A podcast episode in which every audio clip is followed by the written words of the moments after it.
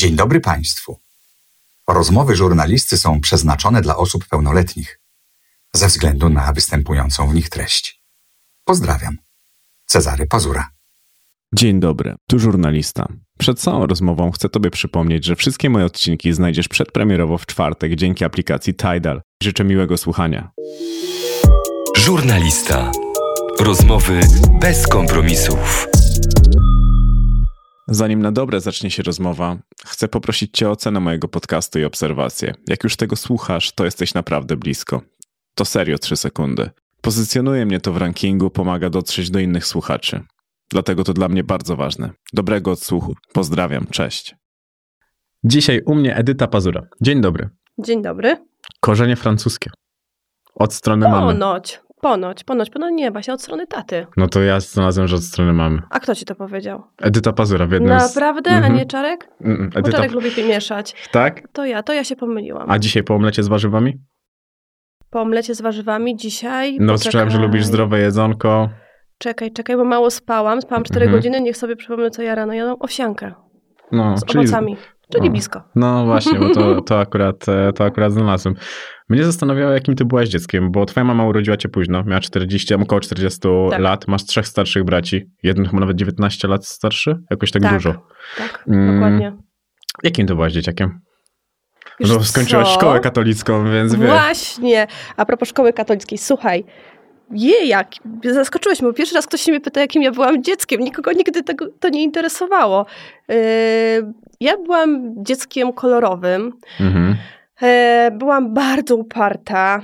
Byłam rozpieszczona, dlatego że ja mam trzech starszych braci, no Mhm. więc ja byłam takim cukiereczkiem. Jeszcze właśnie najstarszy jest ode mnie starszy o 18 lat, prawie 19, najmłodszy 11.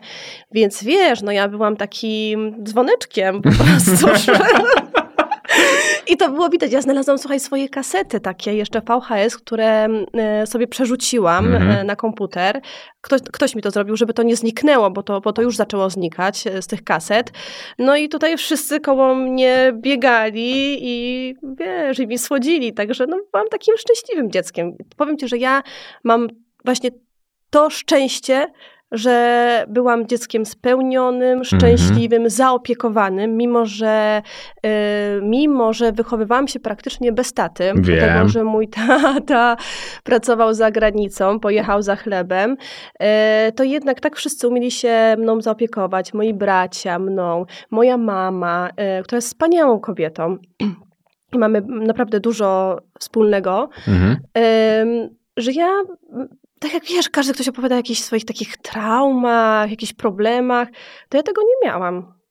A co Ja? lubiłaś robić jako dziecko? No ja wszystko robiłam. Ja po prostu przez to, że byłam wśród facetów wychowywana, to ja nawet lutować umiałam. No po prostu wiesz, że to tam skrzynka z narzędziami szła pierwsza. Nie bawiłam się tak bardzo lalkami i widzę, że moje dziewczyny, czyli moje córki też to mają po mnie, że one tak generalnie to lalkami się nie bawią. Raczej jakieś robótki, wiesz, taki męski świat trochę mnie wchłonął, przez to, że miałam właśnie tych facetów obok siebie. To interesujące w odniesieniu do tego, że jak mówiłaś, że trochę brakowało ci taty, no bo on wyjechał i tam był przecież do samej e, emerytury. Mhm, tak. E, więc e, to jest niesamowite, nie? Że wiesz, jednak ten męski bodziec był cały czas blisko, no ale wiadomo, że serduszko jednak chce taty i mamy trójka braci, nie jest w stanie zastąpić no tak. nie, nie jest. Ja pamiętam, że dla mnie najtrudniejsze były te chwile, kiedy tata na przykład nie mógł wrócić na święta. Mhm. I wiesz, ja jako takie po prostu typowe, naiwne dziecko, które jeszcze się naoglądało różnych hollywoodzkich produkcji, e, wierzyłam w to do ostatniej chwili, że mój tata nagle pojawi się w drzwiach i ja Mhm. po prostu rzucę mu się e, na szyję i on rzuci tą swoją żółto-granatową torbę e, na podłogę i, i że jednak będziemy razem. No ale no miałam tylko kartkę i to pamiętam taką kartkę grającą, którą sobie otwierałam Mhm. i zamykałam i myślałam o tacie. Mm, No faktycznie brakowało mi i to jeszcze, jeszcze to rozczarowanie, kiedy ty sobie coś Mhm.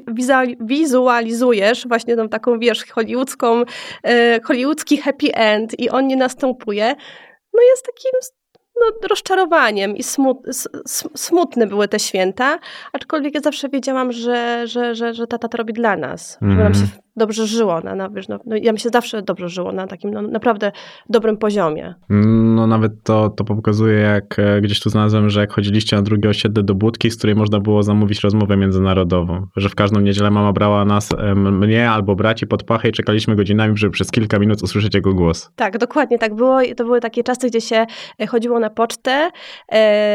To była poczta na bohaterów września u mnie w Nowej mhm. Hucie i, e, i faktycznie były takie dwa pomieszczenia i po prostu się czekało na międzynarodową rozmowę.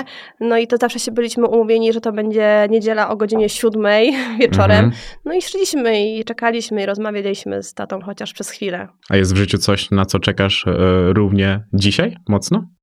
Tak na tatę? Mhm. Jak wtedy? Pomyśl sobie, że jak mm. ciężko jest zastąpić te dziecięce marzenia w dorosłym mm. życiu. Nie. Nie, nie, nie, nie ma nic takiego. No Powiem i... szczerze, że to dla mnie było... Um, to czekanie na niego było dla mnie, no, chyba takim największym oczekiwaniem w życiu. Mm, mama czekała na niego 25 lat, no. Nie? No, bo on po tylu wrócił i też, że teraz mają super życie. Kupili dużą amerykańską przyczepę kampingową, trzymają ją nad jeziorem i jeżdżą tam w każdy weekend. Tak, prawda? dokładnie, prawda. Dokładnie w, nad jeziorem Rożnowskim mają przyczepę, jeszcze mają gdzieś jakąś działeczkę obok, mhm. także no w końcu się doczekali siebie i pamiętam jak Czarek mi opowiadał, e, kiedy mój tata przyjeżdżał, później już przyjeżdżał częściej, mhm. no bo wiesz, już tanie linie lotnicze, już jakby nie było tego problemu z przyjeżdżaniem i pojechał kiedyś na lotnisko po mojego tatę z mamą. Mm -hmm. No i przyjechał i taki był mocno wzruszony i tak widziałam, wiesz, po czergu, że ma łzy w oczach. Ja mówię, ale co się stało? Mówi, wiesz co, jak twoja mama zobaczyła twojego tatę, tak się rzuciła na niego w ogóle i tak go zaczęła, tak trzymała go za buzię i go tak całowała, to mówi, to tak się bardzo wzruszyłem, e, że w końcu się go doczekała, bo to było chyba jeden właśnie z ostatnich jego, jego takich wyjazdów. -hmm.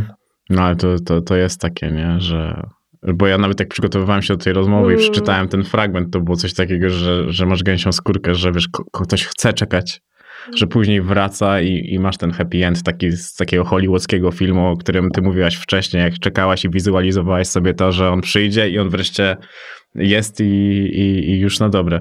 No ale co poszło nie tak, że chodziłaś do szkoły katolickiej? Dokładnie, co poszło nie tak. To nie ja wybrałam katolicką szkołę, tylko katolicka szkoła wybrała mnie. To jeszcze gorzej. to jeszcze gorzej. Yy, tak, aczkolwiek powiem Ci, że ja mam dobre wspomnienia, jeżeli chodzi o tą konkretną szkołę, mhm. bo mm, nasza szkoła była dosyć specyficzna. To była szkoła osiedlowa. Yy, dużo w niej było rozbójników, można tak powiedzieć, mhm. delikatnie. No, ludzi z charakterem jak ja to mówię. A to już wiem, dlaczego byłaś najlepszym uczennicą. Tak, ja byłam jedną z nielicznych takich, wiesz, ułożonych y, dziewczynek, dzieciaków w tej szkole, co później się zmieniło, bo jak poszłam do liceum, to wcale wiem, taka spokojna nie byłam, wiesz. Kolczyk w nosie, tatuaż na 18 urodziny. Tak, także to, to tak nie, nie było y, i faktycznie ta szkoła była już w bardzo złym stanie mhm. i po prostu Salezjanie ją przejęli. To było gimnazjum. Mhm. E, ja chyba byłam drugie gimnazjum, ale powiem ci, że akurat jeżeli chodzi o to miejsce, to dobrze się stało, bo oni wybudowali tam boisko i wiesz, i powstały jakieś SKS-y, jakieś dodatkowe e, lekcje, nie wiem, języków obcych. Mhm. To nie było tak, to nie była taka szkoła katolicka, w której ja codziennie rano musiałam przychodzić i się modlić, wiesz, i ktoś mnie do tego zmuszał. Mhm. Nie, nie, nie. No kto chciał, to tam faktycznie było. E, ja nie należałam do tych osób, które chodziły na tę mszę, od razu mówię, ale no e, jeżeli chodzi na te czasy wtedy, mhm. to oni dobrze zrobili i tej szkole, i tej społeczności tam, która no, jest dosyć specyficzną społecznością. Była wtedy na pewno. Mhm. Pierwszy chłopak był ministrantem. Gdzieś to powiedziałam? Naprawdę, że masz taką gadułą? No tak, pierwszy raz się całowałam z ministrantem, tak, ale to mm, chwilowe było. Od ministranta do Cezarego Pazury. Nie, to są skrajności. Jednak, przepraszam bardzo, tutaj będę mówić, że to jednak są skrajności. On tylko wygląda takiego grzecznego. Tak? Tak, tak. Nie, tak. nie, no to widać. To jest e, harpaga. No jak sobie dzisiaj przeglądałem wasze rozmowy, mm, w ogóle ilość podtekstów e, w tych rozmowach e, dla uważnego oka jest niesamowita. Tak, no on w ogóle bardzo chce, żebym ja zrobiła z nim wywiad i bardzo chce, żebym była na tym kanale, ale no ja jednak staram się tego unikać. Nie, no jeden z najlepszych wywiadów z nim to jest ten twój, podzielony na trzy części. Naprawdę? I pierwszym pytaniem wiesz jest jakie? Nie. Tusk czy Kaczyński? Tak? No. Aż taka byłam? Straszna? Tak, tak, tak, tak. Ojej. Tam mu Ojej. ma- I nie wybrał chyba nic, tak? Z tego, co pamiętam. Było wypikane. Ale bardzo długo się w zebraniu. No bo on nie chce się z polityka bawić. No, powiem ci tak, teraz jesteś dla niego bardzo pokorna, bo w tamtym wywiadzie go tam dociskałaś tak. Naprawdę, aż taką har... Ja Tak. wiem, ja słyszałam, że o mnie są takie opinie, że jestem taka harpia, ale ja nie jestem, naprawdę, on by nie wytrzymał. Nie, nie, nie. To może w tym wywiadzie. Albo, albo może by tylko z taką wytrzymał. Albo, albo taka wytrzyma z nim. No właśnie. A no wiesz, właśnie, to, bo to wszystko, to wszystko, bywa. to wszystko zależy nie, od jestem nastroju. Nie, nie, ale tamten, to jest bardzo fajna rozmowa, tak, na, tak naprawdę, naprawdę. Ty miałeś tam taką kaczkę, Miałam kaczkę. mhm, nazwałaś ją Jarosław. Kiedy kłamał, naciskałaś na nią. Pamiętam tego.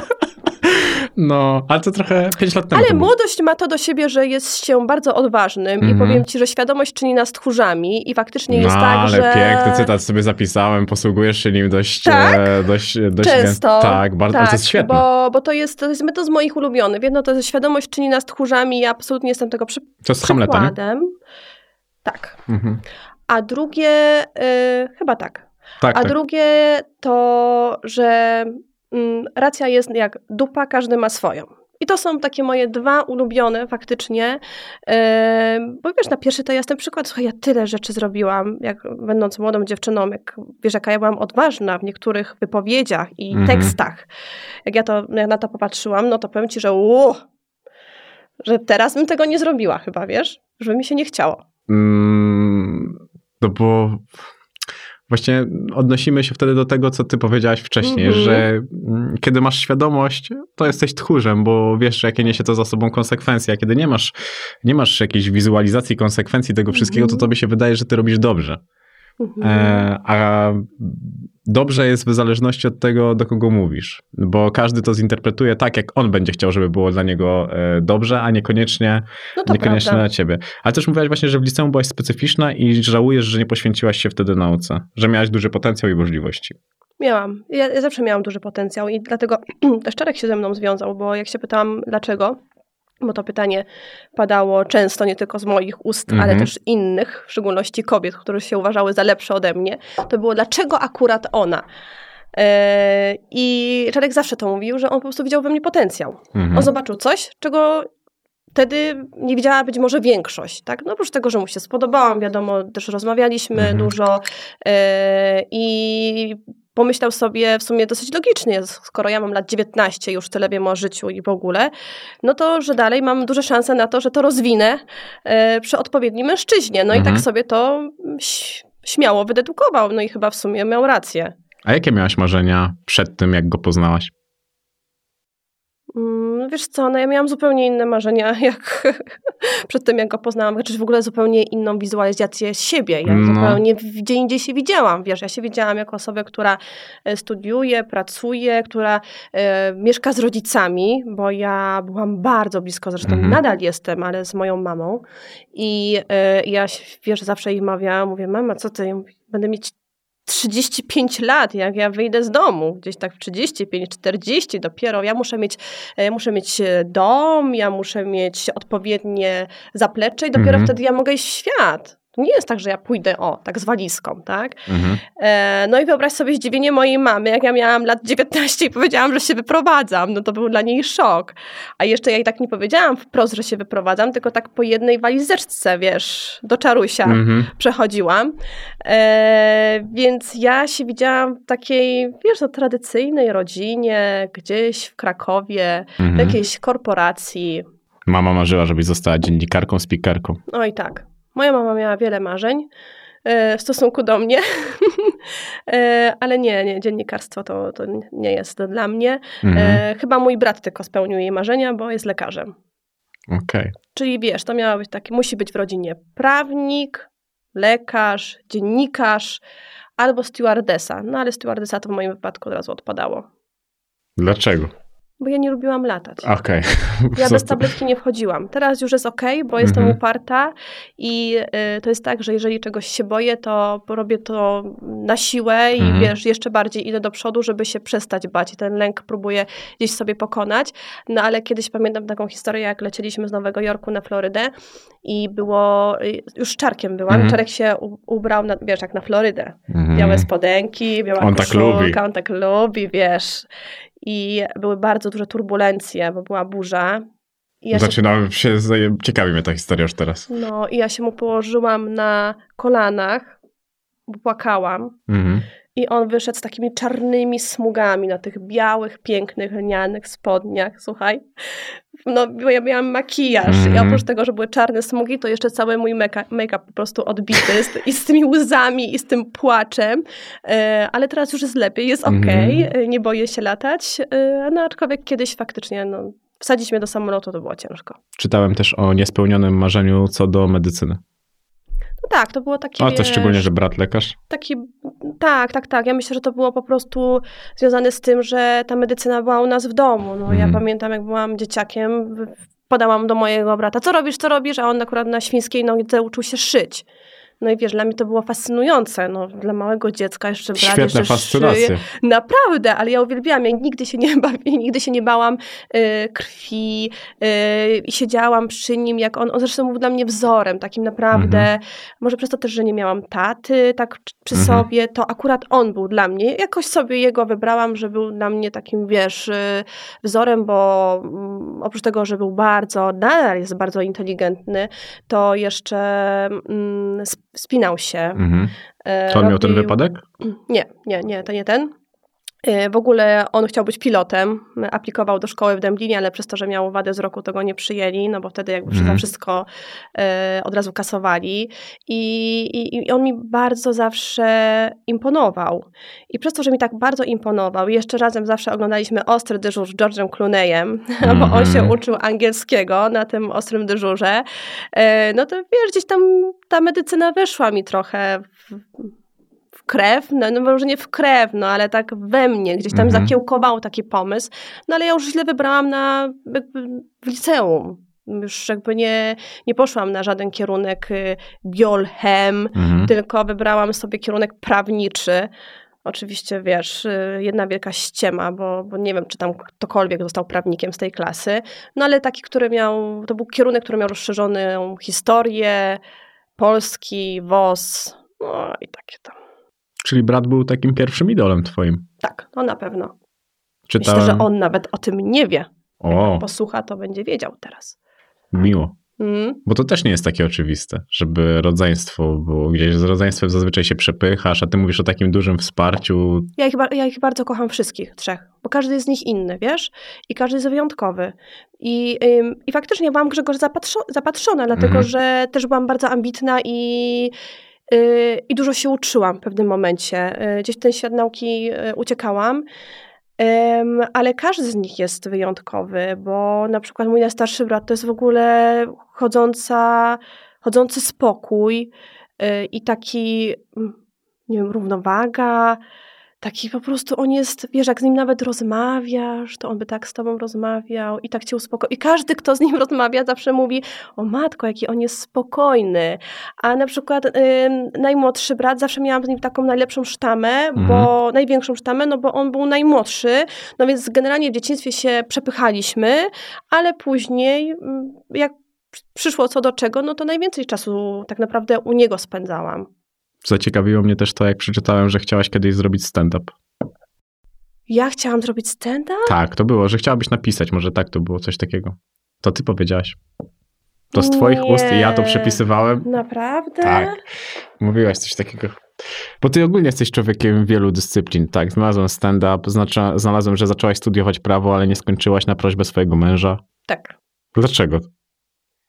Bo wiesz co, no jak widzisz swoją żonę, która waży przy wzroście 1,75 m, 47 kg, e, i już wiesz, nawet Mhm. nie mogłam zasnąć, a moja nauka polegała na tym, że wkładałam już sobie nogi do miednicy z zimną wodą, znaczy do miski, Mhm. miednica takie krakowskie, e, miski z zimną wodą, żeby po prostu nie spać, no to to chyba już był hardcore, nie? I Mhm. ja myślę, że ja tego nie widziałam, on to widział, no i po prostu poprosił mnie, że jednak woli mieć e, żonę w domu, niż wiesz, niż miałoby się coś złego stać, a było blisko.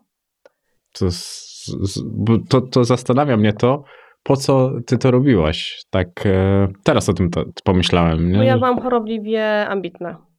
Już tego nie mam, ale kiedyś byłam bardzo.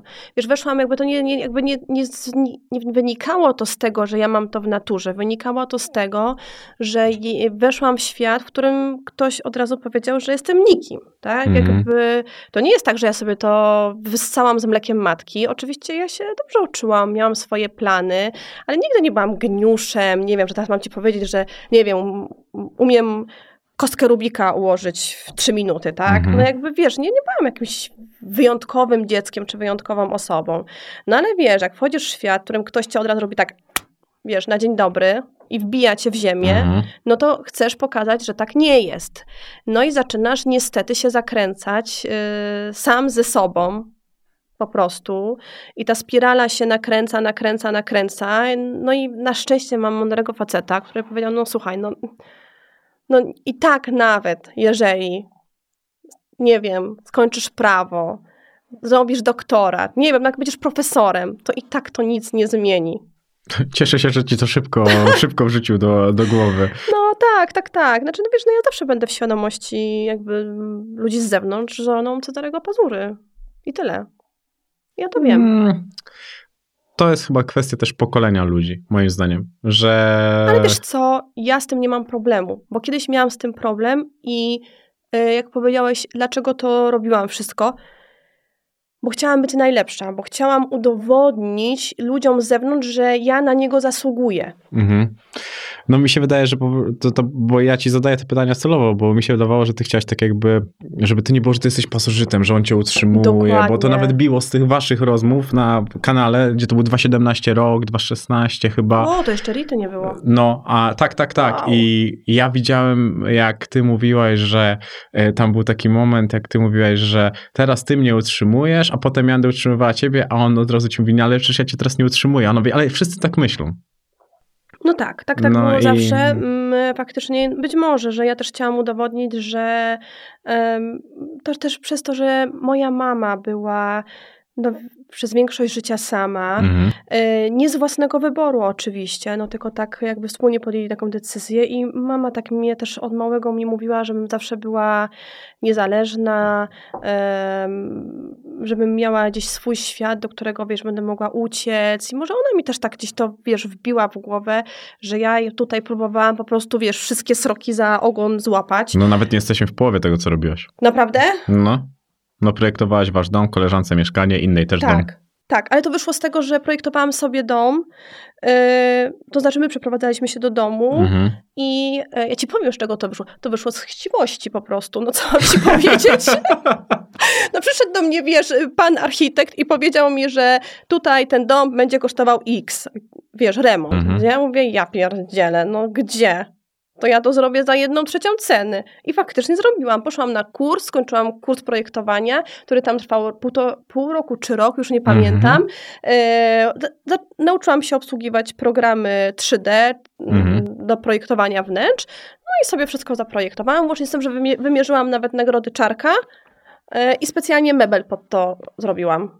Więc wiesz, więc mówię, kurczę, i za jedną trzecią cenę, a jakoś tak poszło, że wiesz, to jedna osoba mnie poprosiła, to druga, to trzecia, no tylko, że jakby to też nie jest y, takie, że jestem taka super, Mhm. bo, no bo, no bo wiesz, spanie po 3, po 4 godziny, no jakby wiemy, że, No to nie jest na długą człowiek, metę. no, Na- na człowiek dłu- nie, nie pociągnie, nie? Na długim dystansie to jednak, e, jednak nie jest. A to jest ten, e, ten dom urządzałaś, w którym obecnie mieszkacie? Tak, Taki bardzo jasny. Tak. Jak się spotykaliście, to miał brzydki i czarny, też to mówiłaś. tak.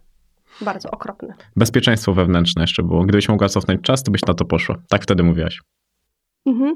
Wiesz, to było parę kierunków, które ja w ogóle tak yy, rozmyślałam. To tak jest, wiesz, jak, jak ktoś mnie się pyta, czy jest dobry gap year, tak? tak ten, czyli rok przerwy po maturze. Mhm. Ja uważam, że bardzo dobry, bo ja jako dziewiętnastolatka nie wiedziałam, co ja chcę w życiu tak naprawdę robić. Ja się dostałam na prawo, ale mój mąż, wiesz, akurat poznałam mojego męża i powiedział mi, nie, nie iść na prawo, bo będziesz przerzucać papierki. Ja myślę sobie, kurczę, no jak faktycznie będę prawo i skończę pięć lat i będę przerzucać papierki, no to bez sensu, tak?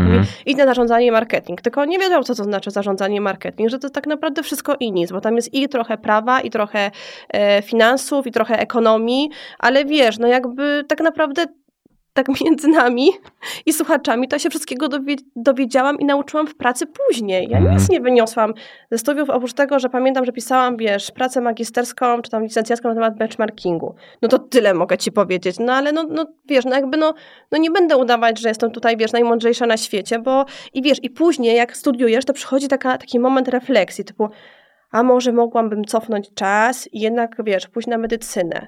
Ktoś tam, wiesz, przyszedł do mnie, mówi no, bezpieczeństwo wewnętrzne, bo to się sprawdza, bo to, bo to będzie przyszłość. Wiesz, Mhm. no, patrząc e, na to, co się dzieje teraz, to miałabym rację, To prawda. idąc na ten kierunek. No, Mhm. no bo no jednak to jest... e, Mi nawet chodzi o to, że to po prostu było widać, że ty miałeś duże ambicje dookoła tego wszystkiego. Że e, na, w, tym, w takim położeniu, w jakim byłaś, można było po prostu iść z nurtem, czyli powiedzieć, okej, dobra, to ja będę teraz faktycznie pracowała tylko z czarkiem, będę sobie leżała, pachniała Mhm. i, i tyle, a zobacz ile rzeczy dookoła ciebie się działo, że jak ja sobie to zapisywałem, mówię, kurwa, to jest na pewno jedna osoba, wiesz, bo tego było tak dużo i też e, to, jak ty się zmieniałaś na podstawie po prostu nawet tego kanału na YouTubie, to było świetne do tego, żeby zobaczyć, Mhm. nawet e, jak robiliście e, na zasadzie takiego, że jedno pytanie i odpowiadaliście, Mhm. kto, kto z was e, lepiej tańczy chociażby. Mhm. To pytanie zmieniało się w zależności od odcinka, e, w sensie odpowiedź, Mhm. e, ale podobno Czarek nie tańczy, ty tańczysz lepiej, e, to też już e, próbowałem. Tak, tak, tak, to, to, to, tak wiesz, tam dużo tego zobaczyłem i to mi się bardzo, bardzo mi się podobało, zresztą jak ja z nim rozmawiałem, Mhm. no to nie znałem ciebie, w ogóle nie miałem pojęcia, e, Mhm. nie robiłem wtedy researchu, to w mojej rozmowie to się wylewało tyle miłości, Tak? że, no nie, no serio, że tak wróciłem i wiesz, no ja patrzę na, patrzy, patrzyłem na matematykę, Mhm. nie, słucham i mówię, kurwa, ale jak on tu był, Mhm. to jak on wyszedł z tej rozmowy, ja mówię, ja pierdol, on jest zakochany.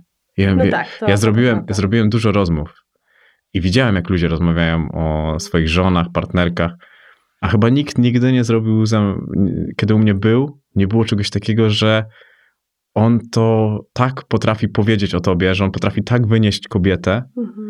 że czujesz, że on to naprawdę czuje, że to nie ma w ogóle żadnej ściemy i kiedy tym on mówił u mnie w podcaście, że ty mu trochę uratowałeś życie, że byłaś takim promykiem słońca, które spadło na życie takiego gościa, który widział już wszystko, to naprawdę ja mu w te słowa uwierzyłem, że to nie było, wiesz jak dużo jest takiej kurtuazji w tych wszystkich No jest. e, związkach, Pamiętasz, które co są... ci powiedziałam? Tak, tak, tak, tak. Że ty powinieneś tutaj wariograf mieć. No, e, niedługo. E, Tak. Więc to, to mi się naprawdę podobało i to, jaką ty jesteś osobą w odniesieniu do tego, że Mhm. mogłabyś nie robić nic, mogłabyś mieć kompletnie, kompletnie inne życie, dużo więcej spokoju na pewno No e, tak, w to, tym wszystkim, była wysoka. Tak, a, jednak, a jednak podejmujesz się wielu, wielu Powiem ci więcej, jak teraz jako 34-latka, w ogóle Mhm. jakbyś się mnie zapytał, co bym chciała studiować, to bym powiedziała, że chciałam być operatorem. Jest w ogóle zupełnie inna rzecz. Dlatego, że przez te ostatnie 13-14 lat, ja wiesz, odkryłam w sobie to, że ja kocham fotografować, to, że ja kocham robić filmy, to, że mam mm, 20 aparatów w domu, wiesz, w tym pierwszym z, nie wiem, z 62, czy nawet, wiesz, jakiegoś tam międzywojennia.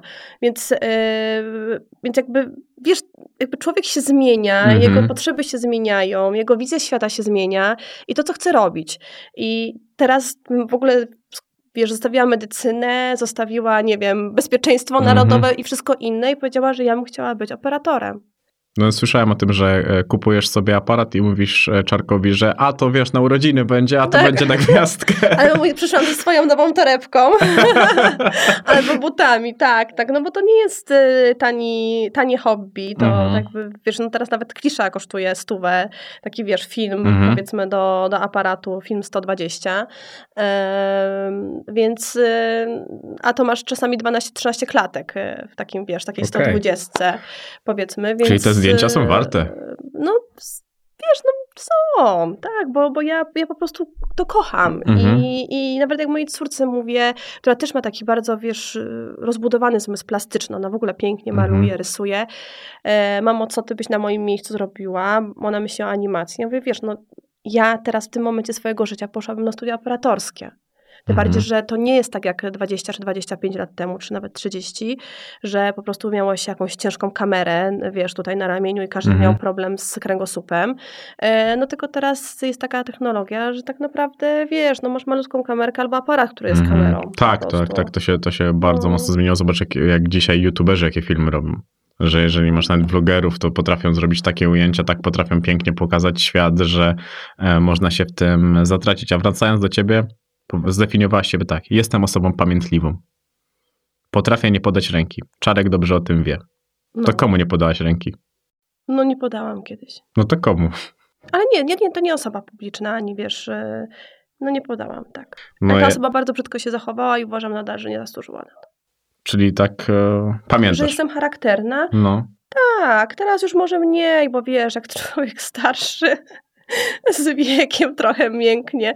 I, y, znaczy dalej, y, dalej bym tego nie zrobiła, to na pewno, Mhm. y, bo ta osoba sobie mocno na to zapracowała, ale ja w ogóle kocham ludzi, więc O, Teraz. to jest świetne, co powiedziałeś, bo ja znalazłem o tym, że chcesz przekazać e, wtedy swoim córkom, e, tak powiedziałeś, że chcę przekazać swoim córkom, że świat jest piękny, ale ludzie niekoniecznie. Tak, to się tak mówi, że y, tak, że świat piękny, tylko ludzie kurwy. No tak, no słyszałam to, ale wiesz co, tak jak mówię, no z, to jest właśnie to, co mówiliśmy o Marcinie Prokopie, jak Mhm. tutaj był, że on mówi tak, coś takiego powiedziałem, tak, no bo to tak jest, że wiesz, no z biegiem czasu przychodzą różne doświadczenia w życiu i zmienia się e, zdanie i oczywiście ja dalej mam takie, takie podejście, jak na przykład jeżeli chodzi o moje dzieci, żeby były uważne, bo gdybym ja była bardziej uważna, to może mniej razy bym się potknęła i mniej razy po głowie dostała. No tylko, że wiesz, jak to moi rodzice mówią, e, jak się nie wywrócisz, to się nie nauczysz. No więc nie wiadomo, no może oni muszą Mhm. też sami przeżyć e, pewne upadki, Mhm. e, żeby tej miłości się nauczyć do ludzi. To nie jest tak, że się tylko uczy niechęci do innych. Może na tamten moment byłam zniechęcona, bo byłam wiesz, już Mhm. tak zmęczona i wkurzona, że powiedziałam, dobra, wszyscy spadajcie, zostawcie mnie, e, zostawcie mnie samą, tak? Mhm.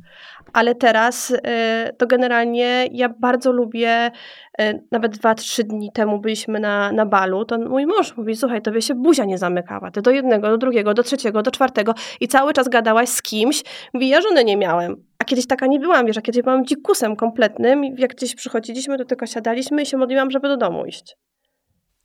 Jestem jeszcze Donald w tym miejscu. Jesteś na tym miejscu, Mhm. że siedzisz i chcesz do domu? Mhm. No, w piątek idę na wesele i... No bo jesteś w takim momencie swojego życia. Ja też takie momenty swojego życia miałam. A to ja tak y, miałem chyba zawsze. To ten moment u Zawsze? mnie, no ja tak średnio... Mm, nie średnio. lubisz imprez w ogóle. No, tak, tak. Jeszcze teraz jak nie piję, to już jest w ogóle nuda. Wiem, y, wiem, że to tak jest, bo ja miałam taki moment w swoim życiu, że przez rok nie piłam alkoholu. Po prostu pewnego razu powiedziałam, nie będę pić alkoholu przez rok. Mhm. No więc wiesz zawsze, jaka była gadka. A co się stało? Mhm. A jaki masz tak problem? A jakie... Ja mówię, nie mam żadnego problemu, po prostu nie piję alkoholu przez rok. Ale czym to jest spowodowane? Jakaś patologiczna rodzina, alkoholizm w domu? Ja mówię, nie, ja po prostu nie piję alkoholu, nie chcę.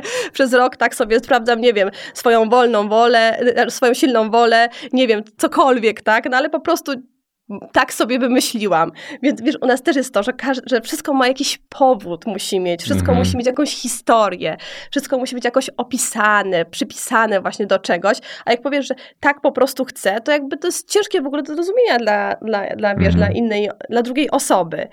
Yy, I faktycznie kiedyś było tak, że wracając do, do wcześniejszego tematu, Mhm. że ja nie lubiłam towarzystwa ludzi, dlatego że yy, jakby one mi się kojarzy, ludzie kojarzyli mi się tylko z krzywdą, którą mi Mhm. robią. Tak było wtedy. Ale wiesz, teraz jak minęło już sporo czasu i ludzie też są mi bardziej przychylni, zobaczyli mnie z innej strony, no to ja też zaczynam, wiesz, no to jak Mhm. ze śniegiem, który topnieje. Mhm. E, to ta królowa lodu po prostu zaczęła tutaj trochę, wiesz, mięknąć. Mi się wydaje, że oni po prostu ciebie zobaczyli. Że wcześniej to była jakaś wizualizacja młodej dziewczyny, która spotyka się z popularnym aktorem, a teraz oni widzą po prostu. Myślisz? Tak, ja myślę, że po prostu ciebie zauważyli. Już przestali e, widzieć to Mhm. zdjęcie w czerwonej kurtce. E, Mam tą czerwoną kurtkę, jeszcze zostawiłam sobie na pamiątkę. Na woźpo napomina, wiesz? E, to tak jak nie, kurtka. nikt jej nie kupi, co ty. No przestań, legendarna. E, Mm. ale no mi się wydaje, że oni po prostu ciebie zobaczyli, że mieli szansę ciebie poznać. To... Ja też byłam innym człowiekiem, wiesz, No. pamiętaj, że miałam 19 lat. To No zobaczmy, nawet rozmawiamy 5 lat temu i jak to się wszystko różni. Byłam. Więc wiesz, no tak mnie traktowali, no jak gówniarę, która nagle tutaj przyszła i mm, myśli, że może być naszym polskim Jimem Carreyem, no, no wiesz, no jak Mhm. to, no, przecież znam ludzi, wiem jak to jest w ich świadomości wpisywane. Straszna ta ich świadomość, co? Wiesz co, no tacy są ludzie, może dlatego właśnie trzeba ich kochać, może właśnie dlatego ja z, z, z tego, że ludzi nie czułam jakiejś chęci takiej, po prostu teraz wręcz przeciwnie. Mhm. Wiesz, no człowiek próbuje całe życie. Być może kiedyś spotkamy się za 10 lat i powiem, że znowu po prostu, wiesz, mam taką niechęć, że chcę siedzieć w domu przykryta kołdrą. Nic dziwnego, bo to też jest kwestia tego, że możemy gadać ze sobą za miesiąc i to może się zmienić. po prostu kwestia z tego, w jakim momencie jesteś, co się dzieje dookoła ciebie. To jest jednak bardziej uwarunkowane niż, e, wiesz, tylko tak. I Mhm. to, to jednak jest wszystko dość lotne, szczególnie kiedy żyjesz według opinii publicznej i, i tego wszystkiego, e, co się dzieje, a no jednak doświadczenie i przelot przez to e, zaliczyłaś każdy, nie? Byłaś chyba na Każdy. każdym pułapie, Tak. każdym znaczy, pułapie wiesz, ja wiem jedno, jakby też moje podejście się nie zmienia. Ja kocham ludzi jako w ogóle, otaczać Mhm. się nimi, poznawać ich, ale mój dystans się nie skrócił. Ja dalej mam e, ograniczenie, ograniczone zaufanie. Do mnie się trzeba przebić, jeżeli ktoś Mhm. chce ze mną iść na kawę gdzieś albo na, nie wiem, być moim kolegą, może kolegą, nie wiem, Czarek by dostał szału, ale koleżanką, no to wiesz, to nie jest takie proste. To, to nie jest tak, że ja od razu takie powiem, o, oczywiście, wpadamy sobie w ramiona i super, i będziemy teraz przyjaciółkami od dzisiaj. No nie, nie, nie, nie. To tak ze mną nie ma. I Czarek wie, że to jeżeli chodzi na przykład o mnie, to trzeba mi taką, wiesz, szybkę zbić szklaną Mhm. przede mną. Czy zresztą też mówiliście u siebie mm, gdzieś tam, że są trzy osoby w Warszawie, którym mówisz i ma, mówisz, że mają dalej nie powiedzieć, to dowiadujesz się, dowiadujesz się pewno później z okładki faktu. Tak, tak, tak, tak. Wiesz, jak, ja, ja wiem dokładnie, co, co komu gdzie powiedzieć, żeby, wiesz, to poszło dalej. Chociaż my już nie jesteśmy takim, wiesz, tematem chwytliwym, żeby, żeby gdzieś to się pojawiało. Mm, nadal wiesz jednak to mm, Cezary Pazura. Różnica wieku, wiesz. No tak, tak, tak, Mi się wydaje, że ta różnica wieku to też e, tak grzała te 14 lat temu, a dzisiaj, kiedy zobaczysz, że tych związków jednak już jest też trochę, trochę więcej, to się mocno, e, mocno zmieniło. Znaczy, i- Wiesz co, ja w ogóle myślę, że jakby e, nurt społeczny się zmienił. Patrzenie ludzi w ogóle na, wiesz, no jednak to było 15, 15 lat temu, gdzie jeszcze, tak jak mówisz, e, osoba, która była, chodziła do szkoły katolickiej, Mhm. była wychowana w katolickiej rodzinie, no to powinna postąpić tak jak mama i tata. Teraz już tak nie jest, bo Kościół sobie trochę, wiesz, e, podkopał, no wiesz, no żadna, ja uważam, że żadna instytucja przez ostatnią dekadę się tak po prostu koncert, koncertowo nie zaorała jak Kościół, tak? Platforma I- Obywatelska z nimi rywalizuje. O to, Tak? żeby się tak, z- Myślisz? żeby się tak, tak? zaorać. A, no. Okej, to nie wiem, bo ja politycznie powiem ci, że nie, nie akurat nie. No nieistotne. No, nie lubię. Nie, No, ale prostu, to wiesz, się tylko po prostu, że jest drugie, drugie... Jest, no, są. No i pewnie jakbyśmy go pogrzebali gdzieś w internecie wspólnie, to by się sp- Mhm. takich e, organizacji e, parę znalazło. E, I i jakby wtedy, wiesz, to co powiedział Kościół, to co gdzieś tam właśnie przekazywaliśmy z pokolenia na pokolenie, było święte i ja powinnam, wiesz, mieć najlepiej taką licealną miłość. e, Tego za- ministranta.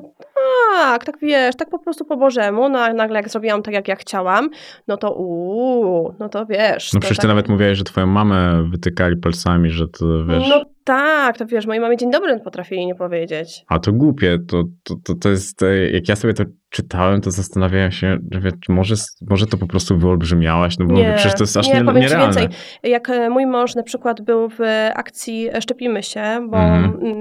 ja przez to, że mój brat e, pracuje też, nie jest lekarzem ostatecznie, tylko pracuje w badaniach klinicznych i na tych szczepieniach się dobrze zna i my też mieliśmy taką sytuację w, w rodzinie u nas z, naszymi, dzie- z naszym dzieckiem, że przez to, że, że nie miała nasza córka szczepienia, po prostu o mało nie umarła.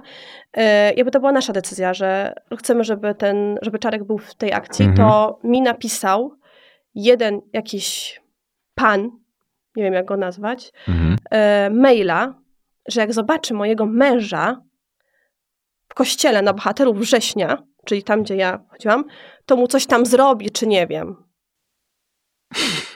Więc wierz mi, że nie wyolbrzymiam tych problemów, tylko Znaczy- ludzie faktycznie tak, em, nie wiem, przeżywają to, biorą do siebie.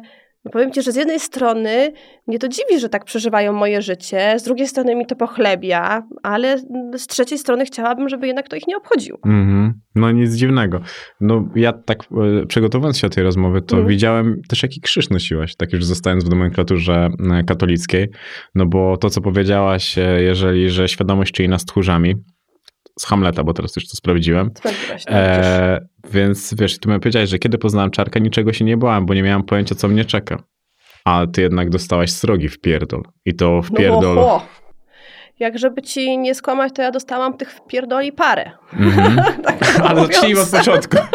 Zacznijmy od początku. Nie, wiesz co, ja już mam taki mm, etap użalania się y, za sobą. Mhm. To znaczy, ja już nie chcę wracać pod, y, do tego na zasadzie, ale byłam biedna, bo teraz wszyscy, bo wszyscy mnie wali mm, po głowie. Wiesz, generalnie gdzieś na końcu w sumie wytłumaczyłam sobie tak, że to nie jest mój problem. Tylko tych osób, które tak Mhm. postępowały, bo one z tym zostają. Wiesz, no ja idę dalej. No tak, ale zobacz, ty, y, to wpływało też na ciebie, no jak ty opowiadałaś o tym, że Czarek wracał do domu, a ty już miałeś spakowane walizki i ty mówiłeś, że to nie jest dla Mm. ciebie. No to wpływało na to, mm, na to jak było, jak, jak to wszystko mieliłaś w głowie i tak dalej. Tak Dlatego dalej. wtedy nie lubiłam ludzi i powiedziałam właśnie moim, wiesz, mówiłam, że właśnie jak powiem, jak córki będę wychowywać tak, żeby mówiły o tym, że świat jest piękny, tylko ludzie, Mhm. wiadomo. Em, ale hmm, wiesz co, z drugiej strony myślę sobie tak, że gdybym ja tego nie przeżyła, to ja może, wiesz, miałabym mniej pokory w sobie. Może bym była gdzie indziej.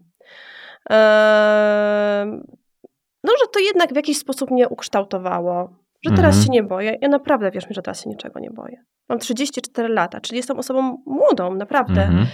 I ja się nie boję. Bardzo młodą, bo ja mam 30 i uważam się za bardzo młodego. A, okej. No to ja mam lat 34, jestem bardzo młoda. Bardzo młoda, bardzo atrakcyjna. No, z tą atrakcyjnością to wiesz, już nie bywa, ale Mhm. nie, widzia, nie widzisz mnie o poranku, tak jak mój mąż, ale yy, wiesz co, jakby no...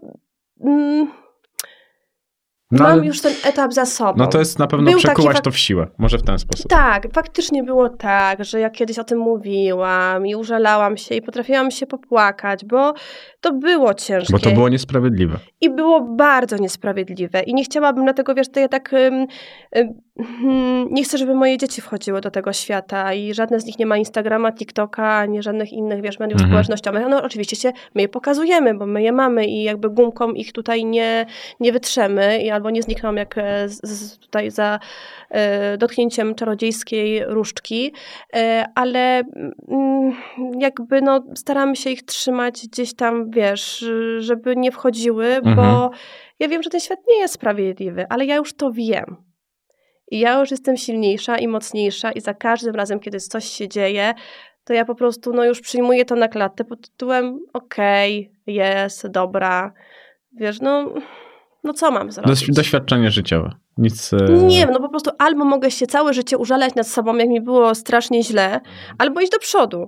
No to Czyli wiesz, wybierasz iść do przodu. to wypieram na pewno. Pierwsza randka z Czarkiem w Toruniu. Piękna? A, tak, ojej. Tak, graliśmy w piłkarzyki na statku i Mhm. piłam piwo. A kto wygrał w piłkarzyki? Bo tam też są Mm, zdania. Chyba Czaro. A widzisz, a wcześniej mówiłeś, że ty. I on mówił, dlaczego kłamiesz? I nie wiedziałem, czy kłamałeś, czy nie. No, kłamałam. Chyba wygrałam.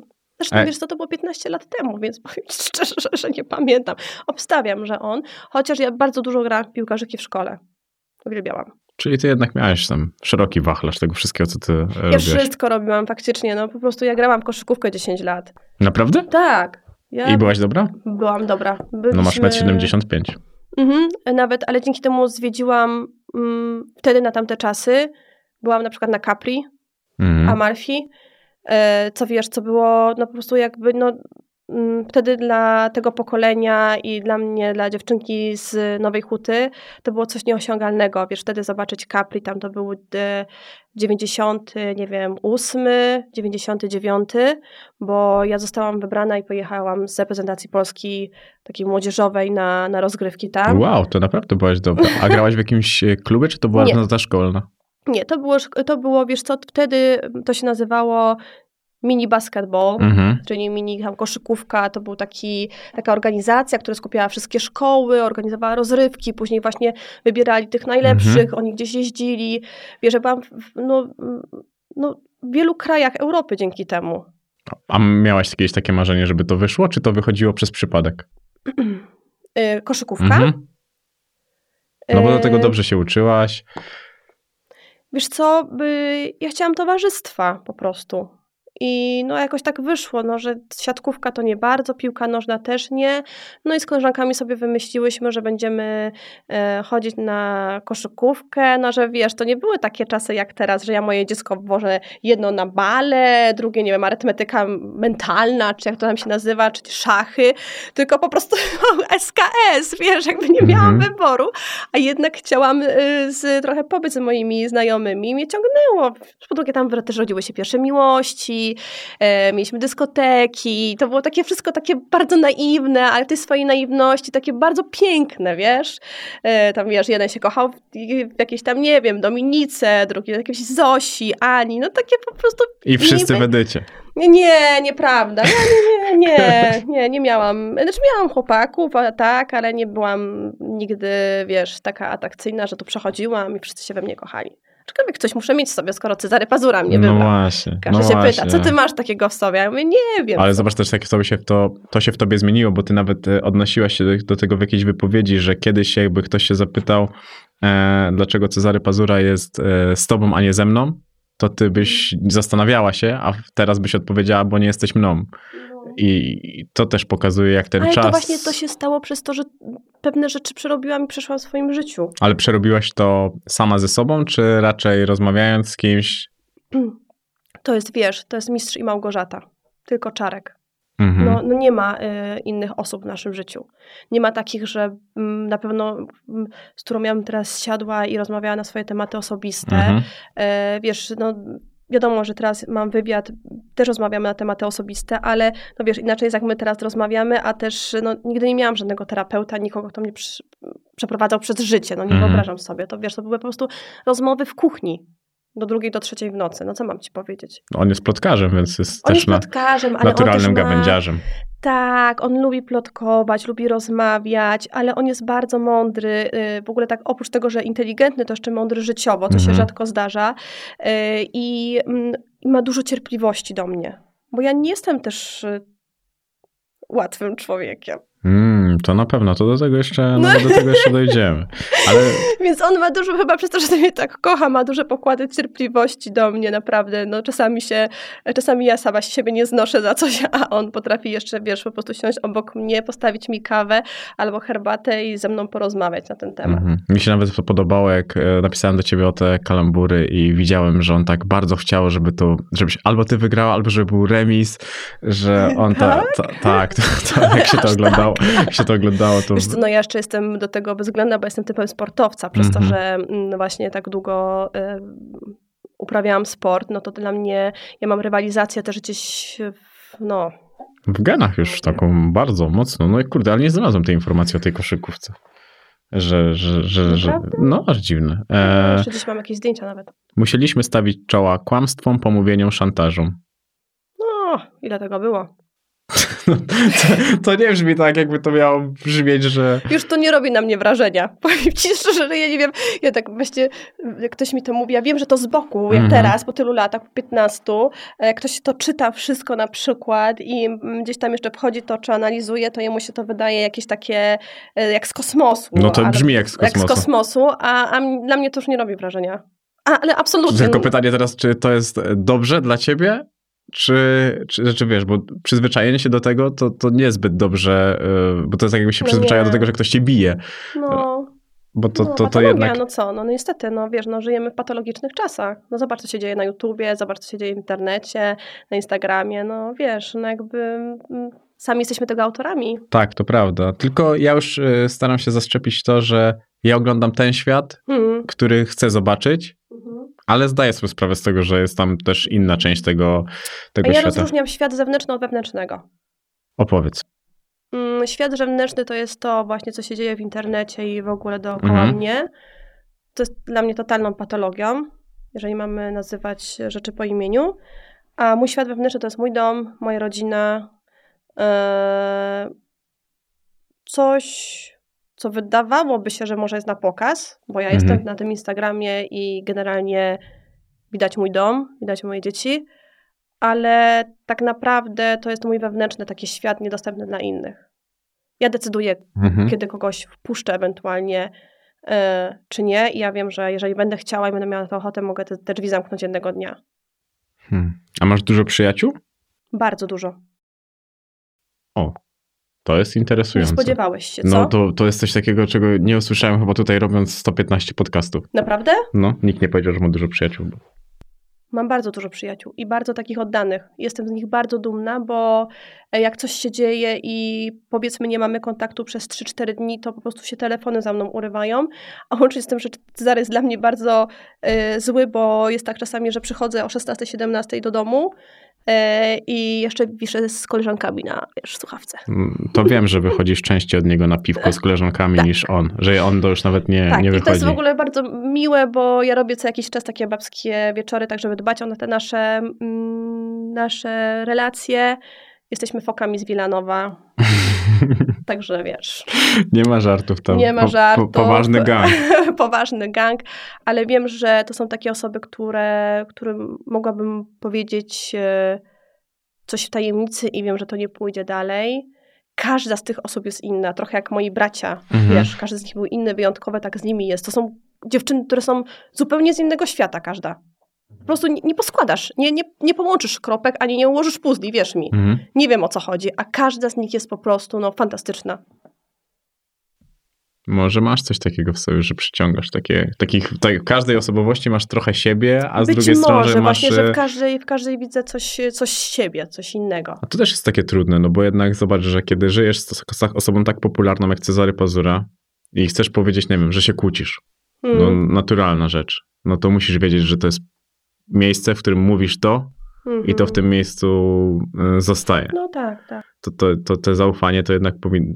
Musi być. Musi być, ale też musi przychodzić ciężko, siłą rzeczy, no bo... Tak, to, wie- to, to co, ci- mówiłam, że dla mnie, do mnie to tak trzeba przebić przez taką, wiesz, młoteczkiem przez taką Mhm. szybę, ale jak komuś się uda i już jest w tym moim świecie, no to on jest na dobre i na złe. Bo Tak samo jak ty mówiłaś o tym, jak ty się zmieniłaś, to Mhm. tak samo fajnie mówiłaś o tym, jak zmienił się Cezary, że to jednak e, to też jest u niego bardzo tak, ale słuchaj, my się spotkali, to się tak wydaje teraz, że jest słodko i pięknie. To się spotkały ze sobą dwie takie no, bardzo trudne osoby.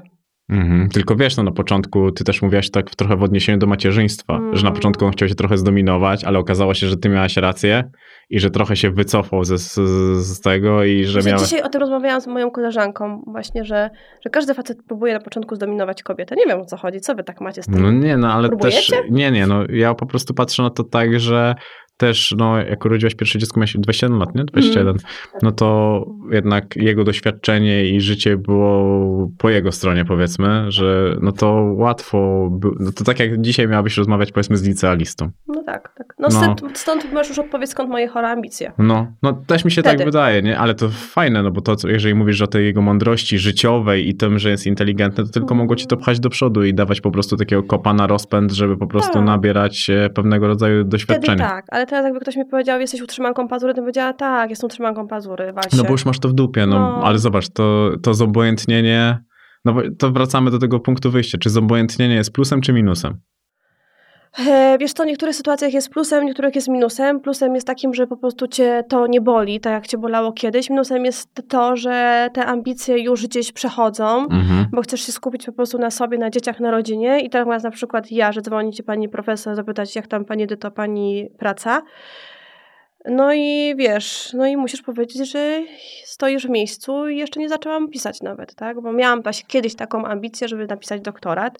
Oczywiście dostałam się, przyjęto mnie i wszystko super, y, no bo tak mi się wydaje, że do głupich nie należę.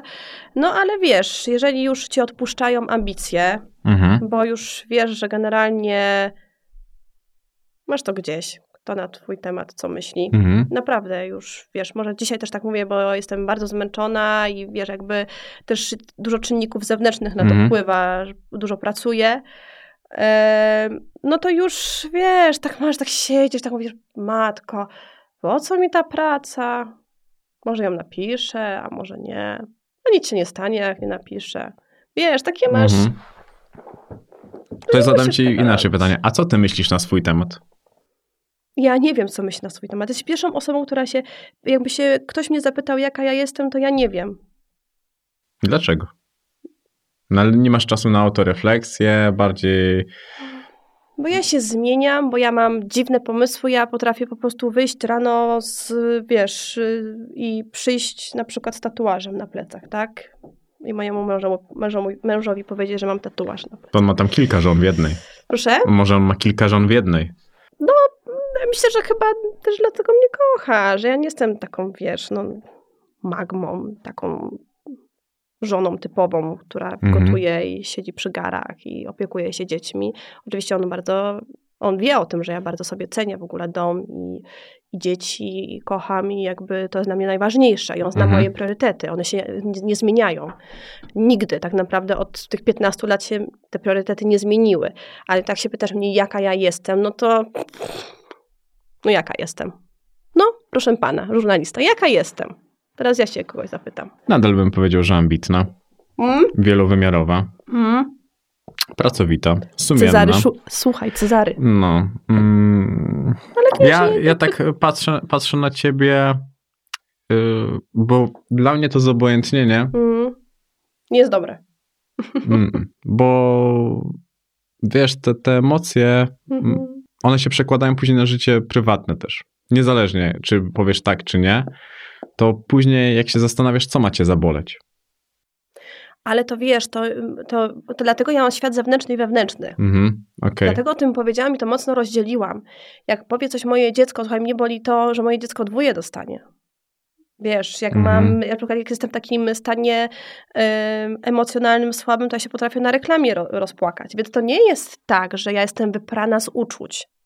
Ja po prostu postawiłam bardzo grubą kreskę pomiędzy ludźmi mi obcymi, a ludźmi mi bliskimi. Co powinnam zrobić 15 lat temu, a czego nie zrobiłam i przez to dlatego dostałam po głowie. No ale jakbyś to zrobiła 15 lat temu, to byś była najbardziej dojrzałą 19-latką na świecie. No dokładnie. Takich, takich też- nastolatek nie ma. No, więc dlatego też tak sobie to tłumaczę. No, albo się wchodzi do tego świata, kogoś się przygotowuje na ten świat, tak? Na przykład No mi się dzieciaki. wydaje, że i tak się nie da. Szczerze powiedzieć. Jak sobie No zobaczysz na da się. historię, no to pokazuje, że raczej się nie da. Albo może tak, może się da, ale mówi się o tych najbardziej spektakularnych e, porażkach.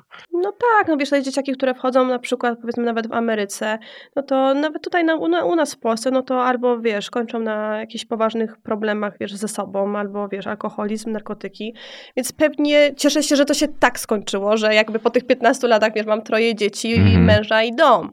Ale to zobojętnienie jest w stosunku do świata zewnętrznego, bo on, tak sobie już powiedzieliśmy i myślę, że mamy rację obydwoje, to on staje się po prostu coraz bardziej patologiczny. Mhm. E, I wiesz, no i najwyższy czas chyba trochę się do tego świata zewnętrznego zdystansować.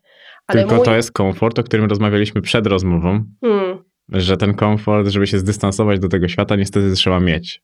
tak.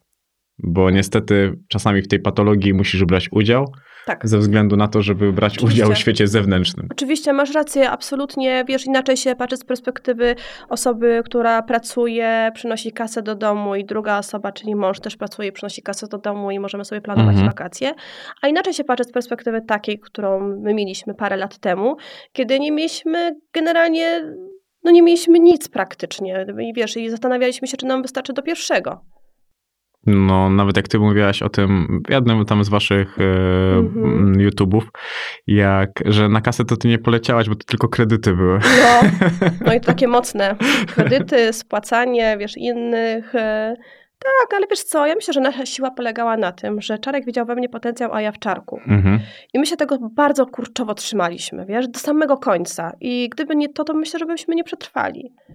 A tak to wiesz, no jedno drugie napędzało i to tak jest do tej pory, że jak jedno jest gdzieś, wiesz, upada, to to jest tak jak to Czarek podchodzi, wiesz, tak za fraki mnie do góry ciągnie. Mhm. I tak samo jest z drugą stronę, że jak Czarek upada, to ja do niego i wiesz, też go ciągnę w górę. I my się tym po prostu wymieniamy. Ale Na miałeś szczęście. momenty zwątpienia? W co? w to. Ciągnięcie się do góry, czy... Nie, no ogólnie w to, że, w to, że wy nie macie razem sensu. Później już, już po Ameli, bo wiem, że tam jeszcze miałeś po, na początku, jak Amelia się urodziła, to jeszcze miałaś jakieś kryzysy tak wewnątrz siebie. Hmm. Nie. Nie, później już się wszystko zmieniło, wiesz, jak już się wyprostowało, Mhm. jak, jakbym No to jedy, zobacz, to jedynym wszyscy, tego... po, wszyscy zrozumieli, wiesz, kto jest kto, to jakby nie, nie miałam już czegoś takiego, nie. I zobacz, to jest przerażające, bo ty miałaś kryzysy przez to, Mm. co ktoś mówił na twój temat, Mhm. a nie przez to, że ty musiałaś się zastanawiać, czy kocham tego gościa, czy go nie kocham, czy będę Tak, z nie, nim ja do tego szczęśliwa. miałam, nigdy nie miałam wątpliwości, że wiesz, bo ja wiedziałam, że go zawsze kocham, tylko ja miałam wątpliwości, czy ja wytrzymam tej miłości. Bo wiesz, my nie rozróżniamy dwóch różnych rzeczy, że miłość to jest jedno, Mhm. bo tak samo jak jest y, miłość taka, która uskrzydla, jest taka miłość, która jest toksyczna, więc jakby też y, różnie bywa. Mhm. Więc rozdzie- tutaj należy rozdzielić miłość, a trwanie w tej miłości. To są zupełnie dwa różne aspekty.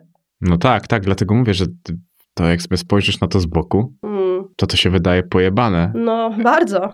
że wiesz, patrzysz na to, czy ty udźwigniesz to, że ty kogoś kochasz. No. Bo to w takiej kategorii. Nawet wiesz, czy kochasz, czy zbudujesz tą osobę przyszłość, czy zbudujesz e, dom, czy, jeszcze sta- czy mm, właśnie będziemy mieli dzieci, czy, czy to utrzymamy, bo wiesz, m, posiadanie dzieci, no to też jest e, duża odpowiedzialność, przynajmniej dla mnie. To Mhm. nie jest tak, że to tak, wiesz, mam No, dziecko i... Twój mąż gra w lotka, żeby można było jeszcze jedno. Tak mówił Tak? w jednym z wywiadów. Naprawdę? Mhm. Mm. Powiedział, że dałaś mu warunek, że musi być więcej kasy i po to teraz w lotka. No tak, no bo właśnie wiesz, no jestem bardzo odpowiedzialną osobą, jeżeli o to chodzi, bo to nie jest, e, nie jest e, jakby sztuka mieć i posiadać, tylko po prostu, wiesz, wychowanie dzieci jeszcze w tej naszej polskiej rzeczywistości, edukacji, która jest w ogóle kompletnie inną historią, jest ciężkie, no. No wydaje mi się, że to niezależnie od tego, gdzie byśmy byli, jest ciężkie, jeżeli chcemy to zrobić dobrze. Tak dobrze, jak e, ty przykładasz się do Tak. wszystkiego, co robisz. Tak, ale są systemy edukacyjne w innych państwach europejskich, które e, ułatwiają rodzicom wychowanie dzieci, a nie je e, utrudniają, tak jak u nas w Polsce, bo wiesz, jakby to, że jestem ambitna, mm, na szczęście powoduje to, że przychodzę z pracy, potrafię, wiesz, y, gdzieś tam torebkę rzucić w Mhm. kąt i jeszcze otwieram podręcznik do historii, do klasy siódmej na przykład i się uczę I wojny światowej. Ale podobno chciałaś już od, oduczyć tego Amelię. Chciałam. I wiesz, próbowałam wiele razy. I nie Naprawdę. pykło. No wiesz, no za Bo ty każdym też razem, z domu miałaś to chyba, nie? Za każdym razem ona przychodzi do mnie, mówi, mamo, pouczysz się ze mną, bo nie daję rady. No i po prostu wiesz, ja wiem, że, że to nie jest dobre, bo klasa siódma to już najwyższy czas, żeby samemu się uczyć, bo ja sama się Mhm. uczyłam. Nikt nawet, wiesz, nie było Librusa, mama szła raz na pół roku do szkoły, patrzyła, jakie mam oceny, dobrze, Edytko poklepała po plecach i tyle. A wiesz, przychodzi dziecko pouczyć się ze mną pierwszej wojny światowej. No więc, yy, wiesz, z drugiej strony my mieliśmy trochę łatwiej. Oni są też mocno przebodźcowani. Mhm. Jednak cały czas im do tego worka pod tytułem edukacja się dorzuca, a nie odejmuje się to, co jest niepotrzebne. Więc naprawdę, no jakby zobaczyły, jak ja zobaczyłam później po, po rozmowie, pokażę ci e, sprawdzian e, z pierwszej wojny. Nie. Chyba tak, z pierwszej wojny, albo z, no to e, szczęka ci opadnie. Naprawdę? Tak. nie mam dzieci, dzieci w wieku szkolnym, albo chociaż o tym nie wiem. I, i, i naprawdę to, to mnie zastanawiało. Ale mówiłaś, że odpuściłaś jej e, oceny. To, Oceny jej odpuściłam, tak. Bo... to też jest nowe podejście. Tak, to jest coś, co ja y, jakby musiałam przerobić w sobie, bo ona do klasy piątej lub szóstej y, miała świadectwo z paskiem. Mhm. Później przyszła pandemia i to przyszedł pierwszy szok. Pod tytułem, że wiesz, tu już jej się nie chciało. E, No i później, wiesz, no ona jest y, innym dzieckiem niż ja. Po prostu i koniec, kropka. I musiałam się z tym pogodzić, że ona nie jest mną i żadne moje dziecko nie będzie mną. A w przypadku właśnie tego, co rozmawialiśmy w moim Mhm. kontekście, no musiałam to jakoś sobie przerobić, no że tutaj, wiesz, nie będzie mi co roku przynosić świadectwa z paskiem, tak ja byłam taka, wiesz, Mhm. mamusiu od piątki i szóstki, tylko po prostu, no, mm, Może ten okres buntu zniesie lepiej od ciebie. To... mam nadzieję, mam nadzieję, że o, zniesie lepiej niż y, ja, bo myślę, że to już się zaczęło, więc to już jest y, podstawówce. Ja miałam ten Mhm. okres buntu w liceum, y, więc z drugiej strony cieszę się, że to jest teraz, bo mam ją pod kontrolą, bo wiesz, no w liceum, no to co, bierzesz plecak, cześć mamo i do widzenia, żegnaj gienia, tak? A Mhm. A tutaj w siódmej klasie ona no, no nie zrobi tego.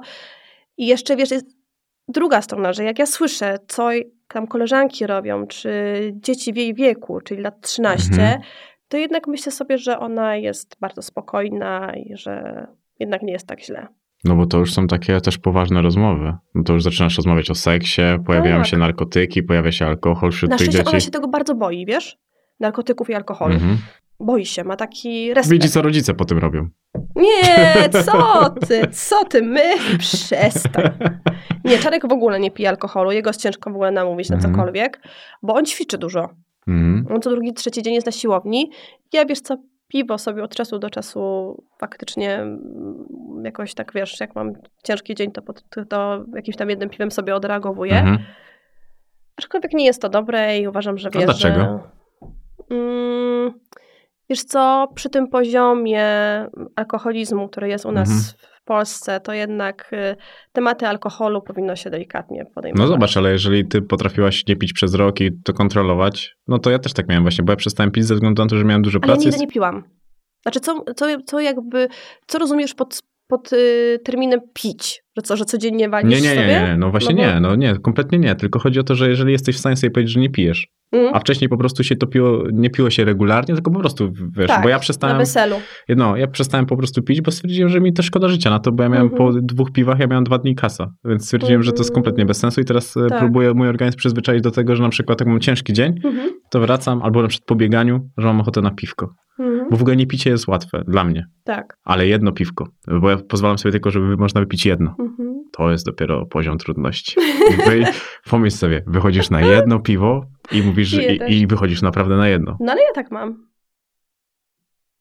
Że jak wiesz, że mam jakiś tam wieczór, taka jestem naprawdę zmęczona, to mam jedno, piję jedno i tyle. No, jest no ale wyobraź sobie, że wyjść z koleżankami na jedno? Na jednego drinka?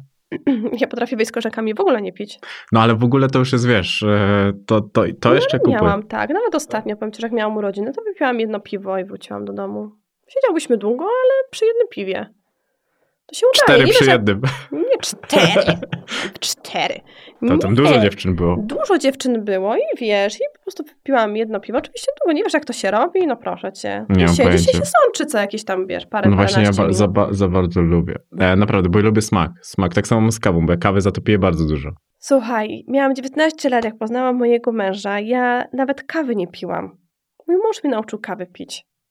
Nie znosiłam smaku i zapachu kawy. No ja byłam po prostu czysta jak anioł, no. I co on zrobił? I co on zrobił? Co on Kawa, zrobił? Przywłaszczył piwo. sobie twoje życie, nauczył cię pić kawy, pokazał alkohol, strach się bać, co on tam Mm. jeszcze pokazał. Ale wiem, że gotować nie potrafi, powiedział, że mm, tylko pomidorówkę i schabowe. Nie, nie zweryfikuję tego, bo nigdy mi nie zrobił ani pomidorówki, ani schabowego. Podejrzewam, że nic nie umiał oprócz ugotowania wody na parówki dla dzieci. Zdolny człowiek, tak Mm. mówią. Ale wiesz, No. przynajmniej się przyznaje. A powiedz mi, a co jest z tymi łysymi facetami? Z łysymi facetami. Mhm. Ale co, że pod czapką nie masz głosów, czy jak? Nie, nie, no, ale podobno nie lubisz łysych. E, że to nawet w domu mm, się przejawia. Nie, no czary, ja tak Czarkowi kiedyś powiedziałam, że nie związałabym się z facetem, który nie ma włosów. No każdy ma tam jakieś, tak jak jeden robi blondynki, Mhm. a drugi brunetki, no to ja po prostu jakby no... Łysi no, nie. No nie, no, jakby no przepraszam wszystkich łysych, ale no jakoś nie. E, a zresztą jestem mężatką od 15 lat, także i to mało atrakcyjną, także nikt tutaj Nie, nie... ale z tą samą oceną, moim zdaniem, ty masz, e, bo ty wszędzie zaniżasz siebie trochę. W każdym tym, z tego co ja oglądałem, Naprawdę? zaniżasz swoją, tak, nawet teraz, e, podczas tej rozmowy cały czas mówisz, że mało No bo ja atrakcyjna, nie, nie, nie wiem, taka jak dobra. ktoś mi mówi, że jestem atrakcyjna, to ja w to nie wierzę. Dlaczego? Mam wrażenie, że ktoś się po prostu podlizuje. Serio? Naprawdę. Można powiedzieć, że się podlizuje. E, Ale no serio, nie, no, ja nawet jak oglądałem Nie. właśnie was na YouTubie, to ty też tak e, siebie jednak dyskredytowałaś, a jeżeli już coś mówiłaś, no to w ironii, nie? Że, że, to- że to po prostu brzmiało i nawet teraz Mm. spuszczasz wzrok. No, znaczy no zawsze jakby w, w mediach pokazywano mnie i uważano za człowieka brzydkiego, więc może gdzieś to się już zapisało A, we mnie. no faktycznie, o tym nie pomyślałem, a to może No, być, I to, to, może już być się prawda. zapisało gdzieś mi pod czaszką, no i tak już jest, no.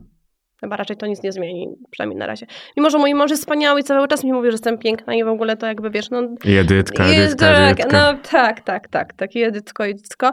To na razie się nie zapowiada, żeby się zmieniło coś, jeżeli chodzi o widzenie mm, samej siebie, jeżeli chodzi o wygląd.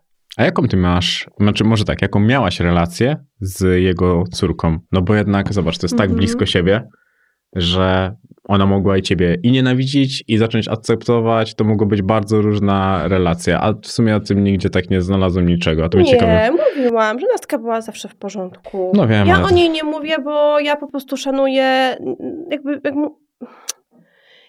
Widzisz, że ona nie chce być w tym świecie i ja to szanuję, że ona nie chce w tym, być w tym świecie i jakby zawsze staram się ograniczać do tego, że jest w porządku i jest okej, bo Mhm. szanuję mm, jej zdanie i wiesz, no oczywiście jest i jest to, y, bo jest częścią naszego życia Mhm. wiadomo, ale powiem ci tak. Czarek kiedyś przyszedł do mnie i powiedział, że on ma z tym problem, bo Nastka ma mm, małe poczucie wartości, niskie poczucie wartości. Ja mówię, no ale stary, no co się dziwisz z drugiej strony? Ja mówię, no ona, mm, miałam, ja mam przynajmniej wrażenie, jako po prostu obserwator Mhm. tego, że tak, mówi, ty mówisz o niej, że, znaczy nie o niej, tylko o życiu, kiedy była ona mała, Mhm. że nie zrobiłeś kariery, bo musiałeś się y, skupić na dziecku. Wiesz, ktoś tam mówi, że poświęcił dla niej macierzyństwo. Wiesz, ona cały czas jest winna czemuś. Wiesz, o co Mhm. chodzi? Że jakby... Ja z tym po ludzku się nie zgadzam. Jako bliska jej osoba. Mhm. Ja mówię, Czarek, uważaj na to, co mówisz, bo, bo wiesz, to mm, po prostu zaniża jej poczucie wartości, że ona jest zawsze winna czyichś nieszczęść Mhm. albo czyichś potknięć. Wiesz, jakby ja po prostu mm, nie chcę nic mówić na, na jej temat innego, bo wiem, że jest w porządku, a to, co się dzieje wokół, to, to mogę powiedzieć tylko tyle, że jest mi przykro. Nie, no bo wiesz, ja tak sobie na to patrzyłem w taki sposób, że możesz, mo- że jak przychodzi coś takiego, to nawet na tej zasadzie, że kiedy kobieta ma dziecko i przychodzi obcy facet, ona może być, nie, ten facet może być nieakceptowany przez dziecko. I że Mhm. kiedy masz tatę i tata, mm, tata ma córkę i córka Mhm. jest, wiesz, prawie, prawie w twoim wieku, no to może być zgrzyt. I nawet o to mi chodziło po prostu, a szczególnie kiedy, wiesz, pomyśl sobie tak, że ty, ja na to tak patrzyłem, tak po ludzku, no bo Mhm. byłaś atakowana, Mhm. napierdalano ciebie, e, zobacz jak sama to znosiłaś Mhm. I wszystko kierowało na taką, wiesz, falę negatywnych emocji. I zastanawiało mnie tylko po prostu, ale to wiesz, no nie musisz mi na to odpowiadać, bo to mnie ciekawiło w takim aspekcie, jak to psychologicznie zmieścić w głowie. Że to jest trudne dla każdej ze stron. Ale ona zawsze była w porządku. Naprawdę, i nie kokietuję tu teraz, bo i, i mówię prawdę, jakby nie. No nie, nie mogę. Łącznie z tym, że na przykład ja myślałam zawsze, że jestem jej taką koleżanką, Mhm. wiesz, że generalnie gdzieś się tam znamy i w momencie już nie pamiętam, było coś, że mm, gdzieś jechała, czy gdzieś była, już nie pamiętam, i się zaczęłam o nią martwić. A tak jako własne dziecko. Mhm. I to dla mnie był szok No dla mnie super. własnej. No wiesz, no być może tak, być może nie, no nie wiem, ale, ale wiesz, ja zaczęłam mieć takie odczucia, że się zaczęłam nią martwić, przez to, że może Czarek był obok i ty się zaczął o nią martwić, wiesz, jakby yy, ja miałam te same uczucia. Mhm. Czyli wiesz, czyli yy, Czyli ja mam do niej też jakieś takie, no może nietypowo matczyne, bo nawet bym nie chciała, myślę, że ona by też nie chciała, ale takie no rodzinne, Mhm. wiesz, takie czyste. I to jest myślę w tym wszystkim. Ja sama byłam tym zaskoczona wtedy. No to in plus, moim zdaniem, no bo patrząc na to, no to tylko, tylko fajnie, no bo jak inaczej, no jeżeli tworzycie, Tak. bo tworzycie rodzinę, to, to jest nic dziwnego, że... Tworzymy rodzinę, oczywiście to jest rodzina patchworkowa i, i jakby tutaj nazywajmy rzeczy po imieniu i, i ja tak mówię, też ja wiem, że ona chce być od tego daleko i staram się po prostu, jak ktoś tam mi się pyta właśnie jak tam, no to mówię okej, w porządku i, i tyle. No, trzeba A tam tylko jest szanować. związana z grafiką? Coś Tak, takiego, nie? Ona tak. miała wystawę chyba też. Tak, miała teraz wystawę, miała swój wernisaż, trzy lata mm, studiowała w, w Anglii i, no i się spełnia w tym, pracuje. Zobacz, taki trochę połączenie z Amelią, gdzie mówisz, że ona ma też... e, Słuchaj, one są tak podobne do siebie, po prostu to jest nie do wiary. Naprawdę. One nawet to samo rysują i malują. Wiesz? Bo na przykład na Sky miała wernisaż, to ona pokazała kobie- kobiece ciało. Mhm. I e, Amelka tutaj ostatnio przychodzi mi ze swoimi rysankami, no i ma po prostu, wiesz, kobiece ciało na, narysowane. No wiesz, z jednej strony ma 13 lat, no ale z drugiej strony no jest, no jest artystką. No Może Mhm. ją podgląda też. No może na Sky jasne, że imponuje jako starsza Tak, tak jak ty siostra. miałaś z bratem. Tak jak miałam z bratem, dlatego może te, te kobiece ciała, no ale wiesz, no nie powiem jej, nie to jest złe, nie wolno, bo tu są cycusie, tylko wiesz, no bo już jest za duża, tak? No Mhm. niech się spełnia w tym. Może to jest jakaś jej droga. A tobie czegoś zabraniano w, w życiu, jak byłaś dzieci- dzie- dzieckiem? Czy nie? Mm-mm. Nie. A ty będziesz czegoś zabraniać? Nie, no wiesz, a nie no, zabrania, zabrania mi alkoholu, wiesz, no papierosów, narkotyków, no to jest to, co się Mhm. zabrania każdy nastolatkom. No ja też moim dzieciom to zabraniam, no bo to jest po prostu A, no to- niezdrowe, ale tak, żeby, nie wiem, nie rysuj biustu, bo to jest nieładnie, no, nie, to nie, no to wiesz, to, no było, to, to by było świetne ogólnie. No ale wiesz, no ja znam takich ludzi, którzy są, no po prostu mają bzika na, na, na punkcie swoich dzieci bardzo. Więc ja nie chciałabym ich ograniczać. Mhm. No, całkiem naturalne, szczególnie, że macie powiedzmy artystyczny dom. Hmm. Tak. I ta wyobraźnia może być olbrzymia i pokłady w nich e, wielkie. Po prostu trzeba tylko dać im to uwypuklić przez rzeczywistość i przez to, jak e, dorastają. No dokładnie. A wiesz, widzisz- Ten, ten, ten system, jakby tak wracając, ten system edukacyjny dla takich dzieci, na przykład jak Amelia, no e, jest ciężki, bo, bo to jest system, wiesz, który uczy matematyka, nie wiem, biologa, chemika, tak, Mhm. polonistę, ale on nie ma miejsca, w nim nie ma miejsca na dzieci uzdolnione artystycznie. Przedmioty typu, biolo, typu plastyka, nie wiem, technika i tak dalej, czy sportowo, to są, wiesz, to są takie że No, drugiej kategorii. drugiej kategorii i tutaj nie ma mm, przestrzeni dla tych dzieciaków. Dlatego ja jako matka Mhm. e, tutaj no, powinnam się wykazać, im tą przestrzeń dać, bo wiesz, moje dziecko dochodziło do tego, że przychodziła ze szkoły i twierdziła, że jest głupia. I dopiero ja musiałam z nią e, dużo pracy wykonać i tłumaczyć, że jest wyjątkowa. Czyli zobacz, e, no, No odwracasz grę trochę. no muszę, ale to nie powinno należeć do mnie, tylko jednak to szkoła powinna umacniać dzieci, że są wyjątkowe. Niezależnie od tego, czym się interesują i w czym są dobre. Dlatego te szkoły prywatne zaczynają trochę przejmować prym, mi się tak wydaje, że jednak jest trochę tych szkół już takich powiedzmy dla dzieci bardziej artystycznych, uzdolnionych, że jednak jak my chodziliśmy do szkoły, Mm. no to szkoły prywatne No to tak. uśmiecham się że, naprawdę że to szeroko. Ktoś jak, ktoś jak nie mógł przejść z klasy do klasy, to e, szedł do klasy, Mhm, e, do, do szkoły szkoły. prywatnej. E, Wiesz co, tak, no Amelia też sobie wy- wymyśliła szkołę amerykańską. Mhm. Także wiesz, no wszystko... Dlatego otworzyłaś firmę. Tak, teraz będę tą szkołę zarabiać, dokładnie. No. Zmieniłaś siedzibę firmy. Nawet jak się przygotowywałem, to jeszcze czytałem, że, że siedziba firmy w piwnicy, że wszystko pakujesz Mm. sama, a chyba to dość to fajnie idzie i się rozwija. Tak, to dobrze idzie, chociaż to jest ciężkie, słuchaj, mieć swój biznes, to jest po prostu, o matko, wydawało mi się, że to jest inaczej, tu też, wiesz, miałam takie zderzenie ze ścianą Eee, i faktycznie zaczynała, zaczynałam w piwnicy, mm, gdzieś tam pomysł na biznes się zrodził, no sobie dwa tygodnie temu chyba wynajęłam biuro i już, wiesz, jakby jest po ludzku i fajnie, Eee, ale mm, wiesz co, jak ktoś mnie się ostatnio zapytał czemu i po co, bo Mhm. generalnie tak, no mm, Kasy nam nie brakuje, e, żyjemy sobie na fajnym poziomie, a taka firma jakby też się wiąże z inwestycją. To tam tak skrobiesz cały czas. Zapisuję kasy, nie brakuje, bo wiem, że wcześniej brakowało. No. Mm, Zapytam później. No, wiesz, różnie to bywało w życiu. E, I jeżeli nam się naprawdę nieźle, także nie musiałam tego Mhm. robić, ale wiesz, ja już pracuję z czarkiem 10 lat. Będzie 10 lat. 9 lat. 9, bo nasz syn kończy 10. Garnki jeszcze były bez ciebie. Tak, po garkach zostałam menadżerem. Mhm.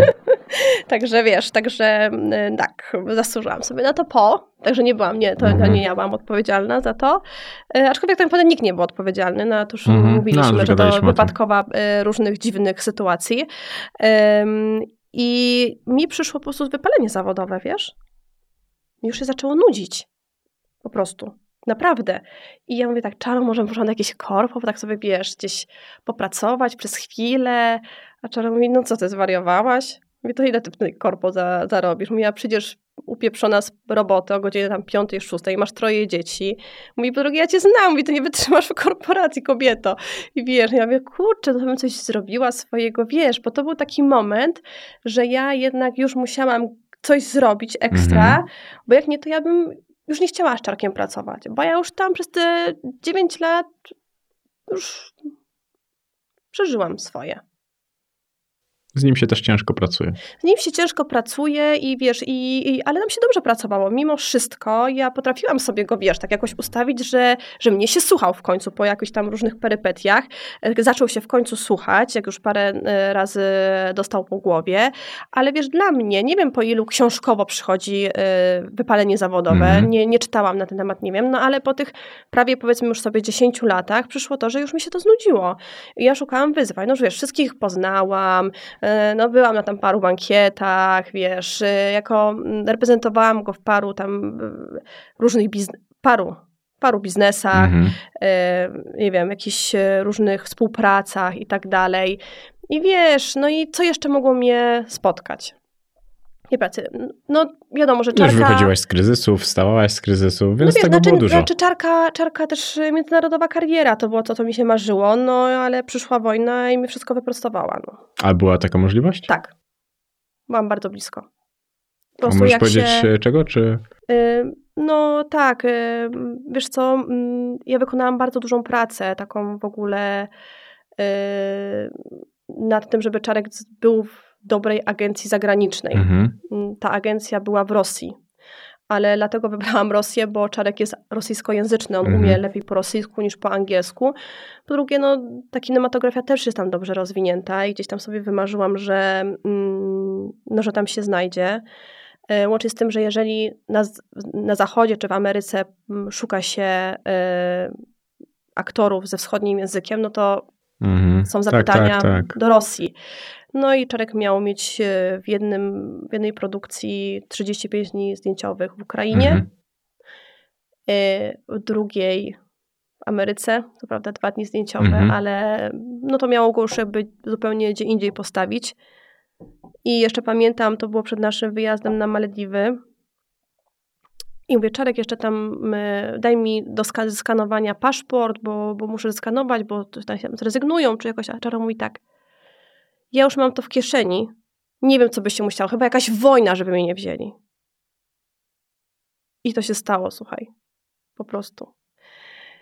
E, Ja wiedziałam, jak ta wybuchła ta wojna, oprócz tego, że to były jakieś, znaczy nadal są tragedie w ogóle takie Mhm. ludzkie, to dla mnie to była taka porażka jeszcze zawodowa, bo ja dużo pracy w, jakby wykonałam, żeby Czarek był w tej agencji, żeby w różnych, różnych castingach e, brał udział. Nas to też dużo pracy kosztowało, bo wiesz, no widzi się tylko produkt w postaci Mhm. filmu i tego, że aktor zagrał, ale y, tyle, ile my zrobiliśmy tak zwanych self-tape'ów do Mhm. różnych produkcji, ile pracy nas to kosztowało, no bo ja byłam, wiesz, podawaczem tekstu i ustawiałam kamerę i wszystko przygotowywałam. Czarek się musiał tego nauczyć, no to to było naprawdę ogrom pracy.